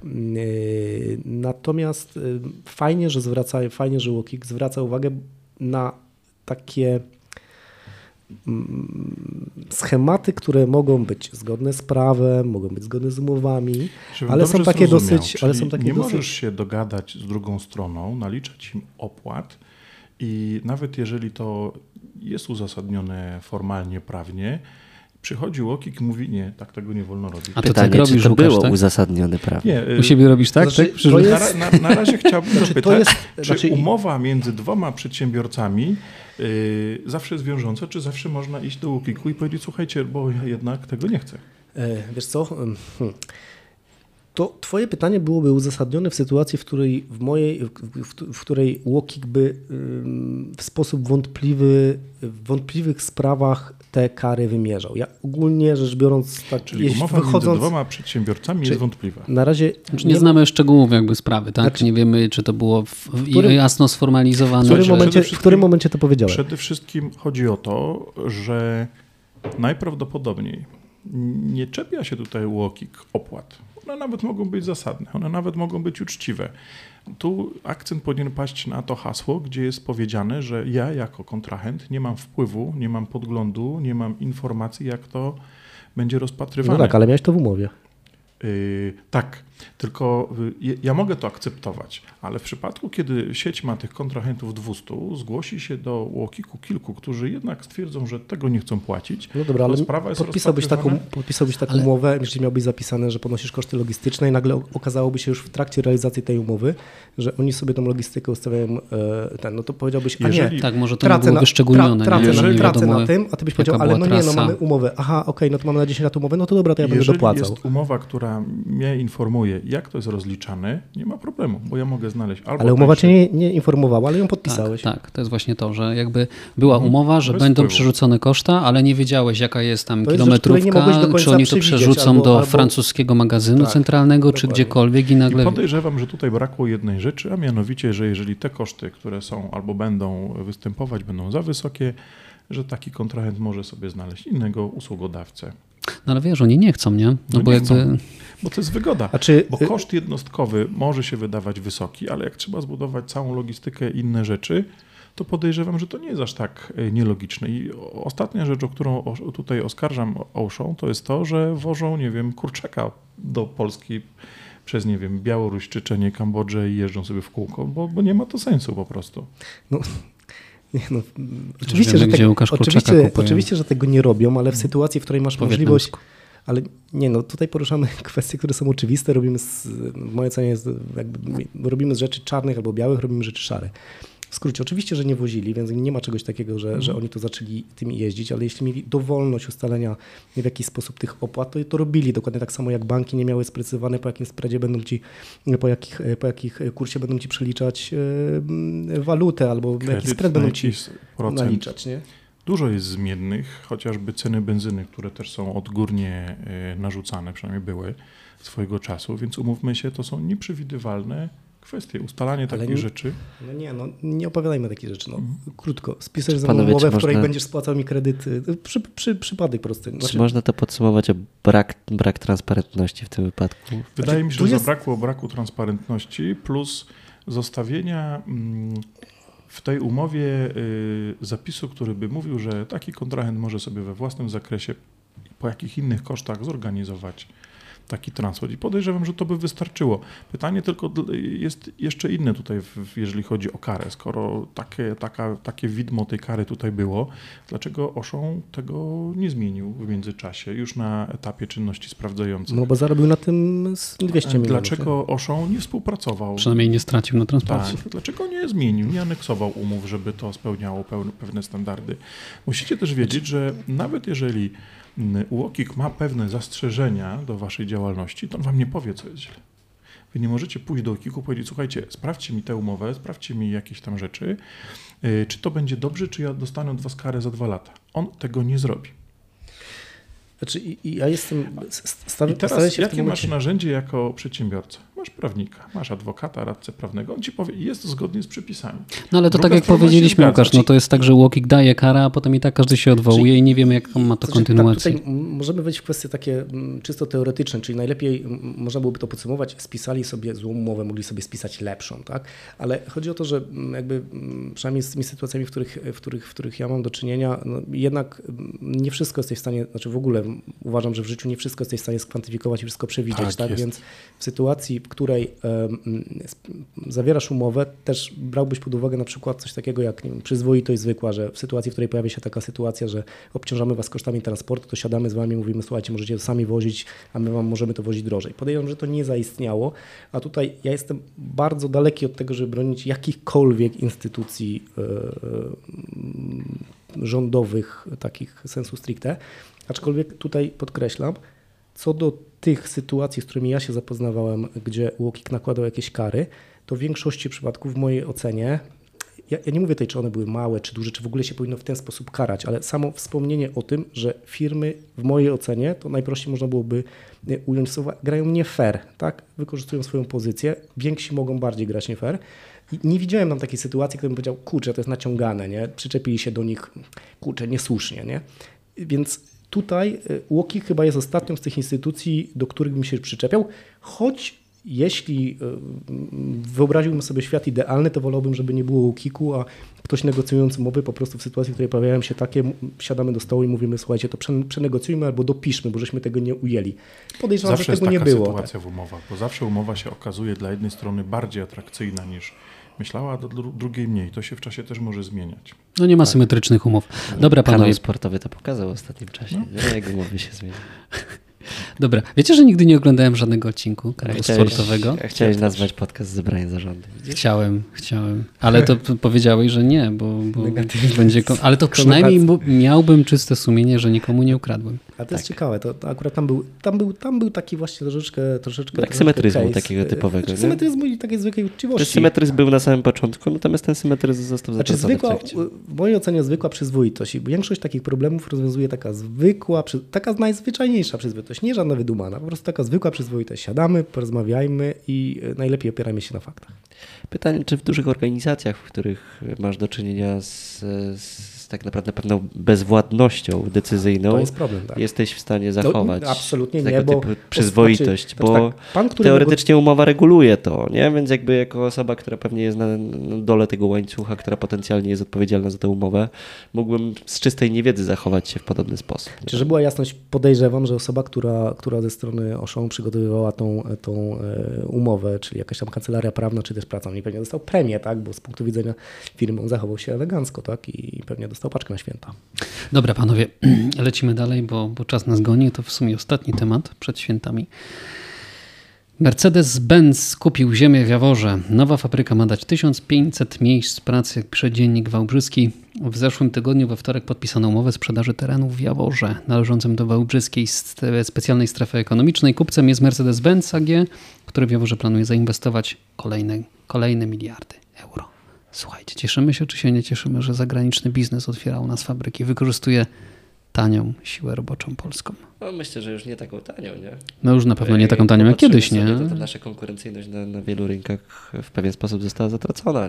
I jak, jak pójdziemy dużo bardziej na wschód, ta granica się przesuwa, to No ale jakbyśmy byli tylko poruszali się w Unii Europejskiej, no to co, Polska, Czechy, to w sumie mniej więcej te, te mniej więcej porównywalne stawki. Oni podejrzewam, umiejscowili się tutaj, mm, nie znam aż tak bardzo szczegółów, ale dlaczego podjęli tę decyzję, ale podejrzewam, że poza mm, dostępnością siły roboczej, niekoniecznie taniej, co bardziej wykwalifikowanej i kwestie infrastrukturalne, bo oni też dosyć mocno tutaj logistycznie rozplanowują te swoje e, fabryki. No trzeba się tylko cieszyć, tak? No, jakby kolejna Wałbrzych, inwestycja, Wrocław to jest super, kolejna nie? inwestycja fajnie, aczkolwiek bardziej bym się cieszył, gdybyśmy to my u nich otwierali taką fabrykę i my, oni by nam Musimy do tego auta. doprowadzić. No słuchaj, no przecież kurczę, Izera, panowie, słuchajcie, Izera. Czekamy na rozwój polskiego samochodu elektrycznego, tak? Czekamy z wyczekiwaniem tak tutaj cały czas. No ale panowie, wy macie firmy produkcyjne, no to może, kurczę, przyjdzie taki moment, że wy otworzycie w Niemczech To, swoje czy, zakłady to jest, to, to, to może nie tyle, mm, mm, jakby to powiedzieć, to, to nie tyle mm, może my, bo to jest tak, jakbyś to powiedział do mm, dziadka tego pana, który tam tego Mercedesa zakładał. On wtedy Mhm. też rozwijał ten biznes i go gromadził. My w Polsce mamy ten problem e, czasowy, tak, no po prostu byliśmy zamrożeni przez okres, okres Nie, no od wojny do 89, E, więc no, trzeba troszeczkę najpierw pieniędzy zgromadzić, a potem wszystko A da się wiecie, zrobić. A propos tych czasów, że jest takie miejsce w Polsce, za górami, za lasami, za jeziorami, gdzie ktoś stwierdził, a, fajna ta komuna, taka jest okej, a może pozwólmy tym ludziom coś robić, jakieś biznesy otwierać. Wiecie o tym, że było takie miejsce? Znaczy, Jak się ono nazywało? A gdzie jest najwięcej milionerów? Na Wysącz. Tak jest. Tak. Jak wam bym sypnął kilkoma nazwiskami z tamtych No tak, no, stron, z To jest tamtego miasta? Nagle się okazuje, najwięcej że... milionerów w Polsce. Nagle się To okazuje, Łukaszu, że... to na- moje, moje, że tak powiem, rdzenne miasto. Nie, chwal się. No. Ale To nie, dawaj, ale nie, nie, nie, to- kilkoma. Nie, Co nie, to już mamy? nie działa w Fakro taki sam jest, sposób. Wiśniowski, Tak, co tak, jeszcze Konspol, mamy? Konspol, Koral, lody. Koral, lody. no. Tak. Ale to pokazuje, że to nawet kilka lat wcześniej, A byłeś tam, w tamtych okolicach? bardzo często, tak, nawet mam tam kontrahentów, ale to pokazuje, że Jest te, pięknie? jest pięknie, że nawet te kilka lat już jest ogromną przewagą. To są firmy, które już są jednymi z największych w Optimus. Polsce. No. No na pewno, natomiast perspektywa czasowa jakby w tym wypadku już nie daje takich przewag, nie? No bo to była przewaga na początku lat 90., im kiedy się- rzeczywiście to oni się funkcjonowało, teraz... Hmm? Ponieważ mieli kapitał w momencie, gdy on był najbardziej potrzebny, tak? bo Mhm. moment transformacji, a oni już mieli jakiś kapitał, więc wtedy, y, ja nie chcę umniejszać, ale, ale zainwestowanie w, no, to był stosunkowo, No wiesz, transformacja to był czas, kiedy co byś nie robił, to zarabiałeś hajs, nie? bo w niczego nie było. Nie? Natomiast Więc, tak. Wracając do tego tematu samochodowego i tego rynku niemieckiego, no to tutaj też jest zauważalna zmiana w takim zakresie, że, że Niemcy trochę gonią innowacyjnością, jakby nie patrząc.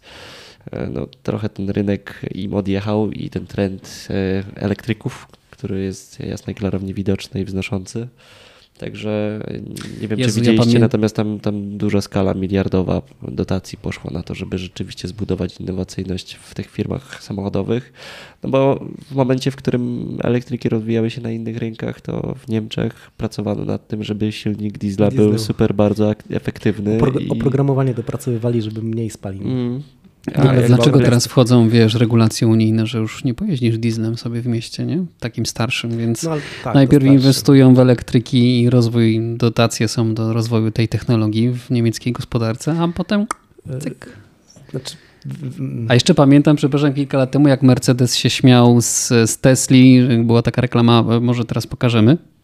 Była taka reklama, że, że ktoś otwiera klapkę od paliwa, zdaje się, się wysypują paluszki takie jednorazowe i Mercedes się śmiał, że samochody elektryczne tak będą wyglądać. Mogę teraz palnąć głupotę, ale kojarzy mi się, że Daimler, czyli grupa, do której należy Mercedes, miała również 10% akcji Tesli w pewnym momencie. I te 10% akcji te- Tesli było warte więcej niż cały Daimler. Jakby, więc, więc tak. Tak, znaczy do Tesla dostała, y, oni poszli w stosunku, bo tam chyba 2011, tak są te początki, gdzie oni dostali też jakieś tam rządowe wsparcia mm, i poszli w tym kierunku. Tutaj mm, Kamil, mm, to masz rację, oni y, długo wierzyli w to, że, że uda im się, nie wiem, na tyle udoskonalić te silniki diesla, że one będą przyszłością, czy też wykreować ten rynek, no bo będąc tam na tamte czasy, chyba w pierwszej trójce największych producentów, wydawało im się, że będą kreować. No, zwłaszcza, że Chiny też były dość Ale- chłodne, jeśli Ale chodzi o zdali, samochody. zdali sobie sprawę, to jeszcze chyba za Angeli Merkel. Oni, oni e, sami przyznali do tego, że troszeczkę mm, poszli w, w nie tym kierunku i tam jakieś potworne pieniądze chyba mm, była mowa o 250 miliardach euro, które Niemcy mają zainwestować właśnie w rozwój Tak. takich nowych technologii. No bo właśnie w samochodach elektrycznych nie są potrzebne wtryskiwacze, skrzynie biegów.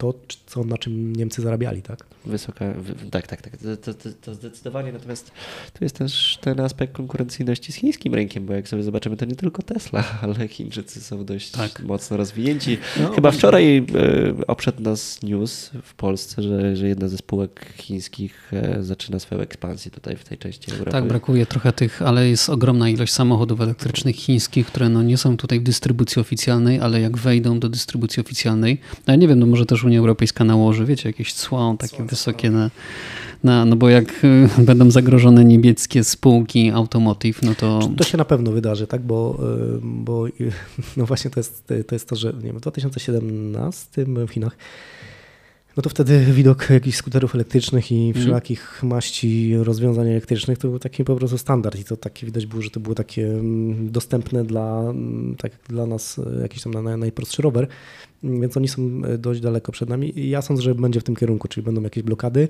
bo rozwoju technologicznego tak szybko nie nadgonią Niemcy, też nie wybudują tak szybko fabryk, fabryk popyt, wiesz, co zrobią, no popytu na, na Volvo na baterie, też jest chińskie, nie? nie?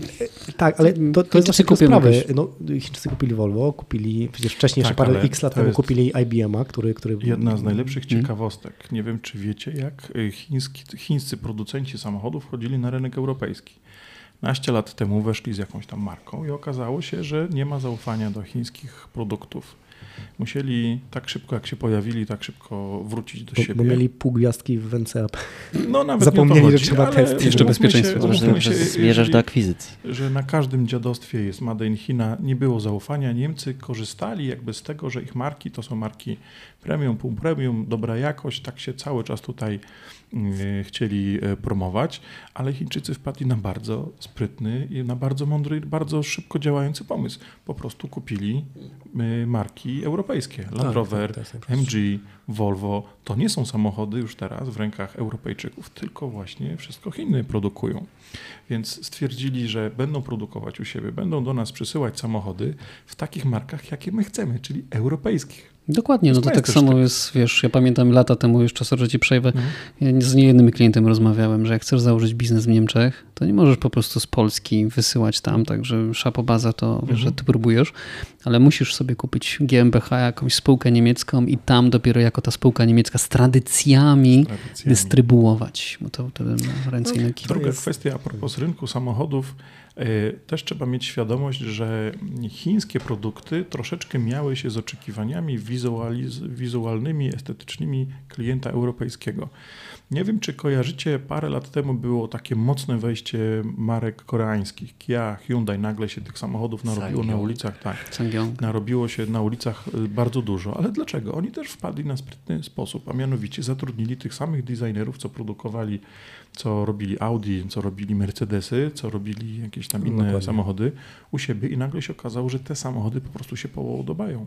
Mhm. Więc Chińczycy mają wszystkie narzędzia, żeby to się skończyło dla europejskiej y, branży samochodowej źle, bo robią samochody takie, które się podobają w lepszych pieniądzach, a najlepsze jest to, że produkują u siebie. Oni są całkowicie niezależni. Wszystkich narzędzi może nie mają, bo jak popatrzymy na demografię, to wyparowało 140 milionów osób aktualnie. Ale jeszcze więc... trochę im zostało. Jeszcze, no, jeszcze trochę zostało, tak. tak. No ale wiecie, znajdę, perspektywy nie? na 250 i na 2100 rok nie są optymistyczne. Nie? Więc Chyba dla ciężko nas. tutaj, ciężko no, tutaj. Jakby to jest, to jest druga, drugi punkt widzenia, natomiast no, dla nich też nie są ale zbyt to jest kolejny raz powtórzę jeszcze jedną rzecz, że nieważne jaka jest dziedzina, ale Niemcy troszeczkę przysypiają swój dobry czas. Słuchajcie, jest mimo wszystko nadzieja, bo jest Izera, także my tam no, no, Zaczniemy wreszcie produkować, ja już, czy nie? Ja już, nie, nie, będziemy. Się. Są przecieki, że jest w planie, że ktoś ma pomyśleć, żeby ja zacząć. Już sobie Ale nie, się przemyśleć plan na to, żeby tak. zacząć produkować. Tak? tak Ale nie, słuchajcie, ja tutaj tylko dwa słowa odnośnie tej Izery. Znowu, ogólnie przeciwny jestem rządowym pomysłom na produkowanie, czy robienie czegokolwiek, bo wiadomo, że to będzie mniej efektywne nie, niż, pieniądze fajnie niż, robienie, niż robienie prywatnie. Tak, zdecydowanie. E, e, natomiast e, tak jak tutaj Łukasz wspomniał o tych panach, których zatrudniają Chińczycy, w mojej ocenie tam całkiem rozsądni ludzie są i to w mojej ocenie to się w jakiś sposób składa i to szczerze powiem, że jeśli ten, ten to auto nie odbiegałoby jakoś znacząco, byłoby powiedzmy 5% gorsze, maksymalnie 10% gorsze cenowo, czy chętnie bym kupił, także to, to, to, To zabrzmiało ja jak, trzymam kciuki. jak nawiązanie do tej anegdoty, która wcześniej padła, że myśleliśmy o Niemcach w taki sposób i tak padło, że Chińczycy to są rozsądni ludzie. No ja myślę, że wiesz, na tym poziomie to ciężko szukać nierozsądnych ludzi. Tak Przede wszystkim są sprytni. No. Im się chce. To I grają długą grę. Nie no, wiesz, że oni, oni są głodni, tak? Oni, oni teraz gonią. Tutaj Wiecie, to jest ta ane- anegdota, Łatwiej gonić niż być gonionym. Jedna, jedna rzecz, jak którą grasz z Chińczykiem w szachy, to Szachy? niezależnie od tego, czy, czy będziesz przegrywał, on, czy będzie przegrywał, on będzie się zastanawiał, w jaki sposób jego syn, wnuczek może z tobą wygrać, do, tak? dokładnie tak. Mm. Tylko, że ty grałeś w szachy, a on grał w go. Tak. Ale nie, nie, teraz tak troszeczkę w żartach, ale straciłem wątek, jak mnie rozproszyłeś z tymi. Izera. Z tymi Mówiłeś o że, em, Wygląda to całkiem rozsądnie i e, to nasze troszeczkę wyśmiewanie się z tego typu projektów. Pomijam fakt, że on jest w jakiś tam sposób rządowy, co już jakby go negatywnie Jak cechuje. Polska. Negatywnie cechuje, to tylko zwrócę uwagę, że tutaj rozmawiamy o Chińczykach, którzy, uwaga, robili dokładnie to samo, czyli oni mogli tam powiedzieć, że no nie, no naszemu rządowi się nie uda, albo nie, no nie róbmy chińskiego, przecież możemy sobie kupić Audi, nie?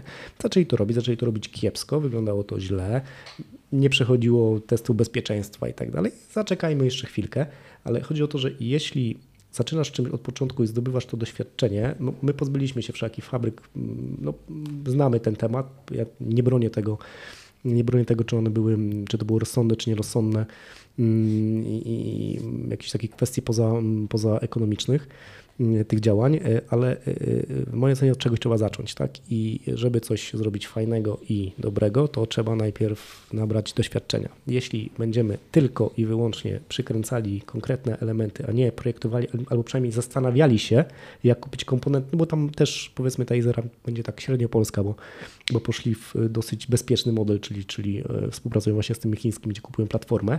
Tamirku, Moi- Izera czy CPK? Znaczy, kurczę, ja znowu tutaj, wiecie, to ja nie wiem, czy ja tutaj nie w ogóle... Chyba nie mamy tyle czasu, panowie, ale, wyjdę. ale co tydzień będziemy się spotykać, na pewno będzie o czym gadać. E, To odnośnie tylko CPK, jeszcze tylko dwa słowa. Biorąc pod uwagę tego, jak mamy, jak, jak mało, znaczy na ile lotniska w Polsce są w stanie obrobić ruchu, to CPK ma, znajduje uzasadnienie ekonomiczne. Dobra, to wrzucimy, wrzucimy temat CPK do następnego spotkania. Słuchajcie, będziemy kończyć w takim razie. Zeszło nam się. Ile? Trzy godziny? Nie, nie. Mam nadzieję, że tematy, które dzisiaj poruszyliśmy, dały Wam wartość, że mm, tak jak chcieliśmy, że rzeczywiście to są ciekawe i istotne dla Was informacje, na podstawie których możecie też budować jakby swoje biznesy. I co mogę więcej życzyć, panowie? W Waszym imieniu w takim razie będę życzył wszystkim wesołych świąt, bo chyba nie mamy aż tyle czasu, żeby każdy tutaj osobiście życzył.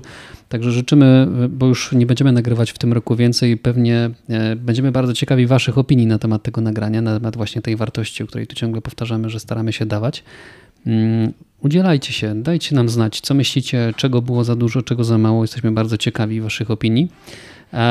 No i co? Życzymy wszystkich wesołych świąt, dobrego nowego roku. No i e, życzenia noworoczne od razu też przy okazji złożę. Mam nadzieję, że wszyscy będą myśleli o tym, a przynajmniej ci, którzy chcą, żeby budować swój biznes w przyszłym roku z sukcesem dla siebie, dla swojego rozwoju finansowego. No i generalnie, żeby wykorzystywać te okazje, które się pojawią na pewno w 2024. Tak, panowie? To wesołych świąt i dziękujemy bardzo. Miało być bez indywidualnych życzeń. Teraz Ale można przytaknąć. Ruszył, ruszył można. To przytaknąć. miało być przytaknięcie. Zgadzamy się, zgadzamy się z Dawidem. Zgadzamy się. Głosujmy. Dziękujemy bardzo. Trzymajcie się. Wesołych świąt. Cześć.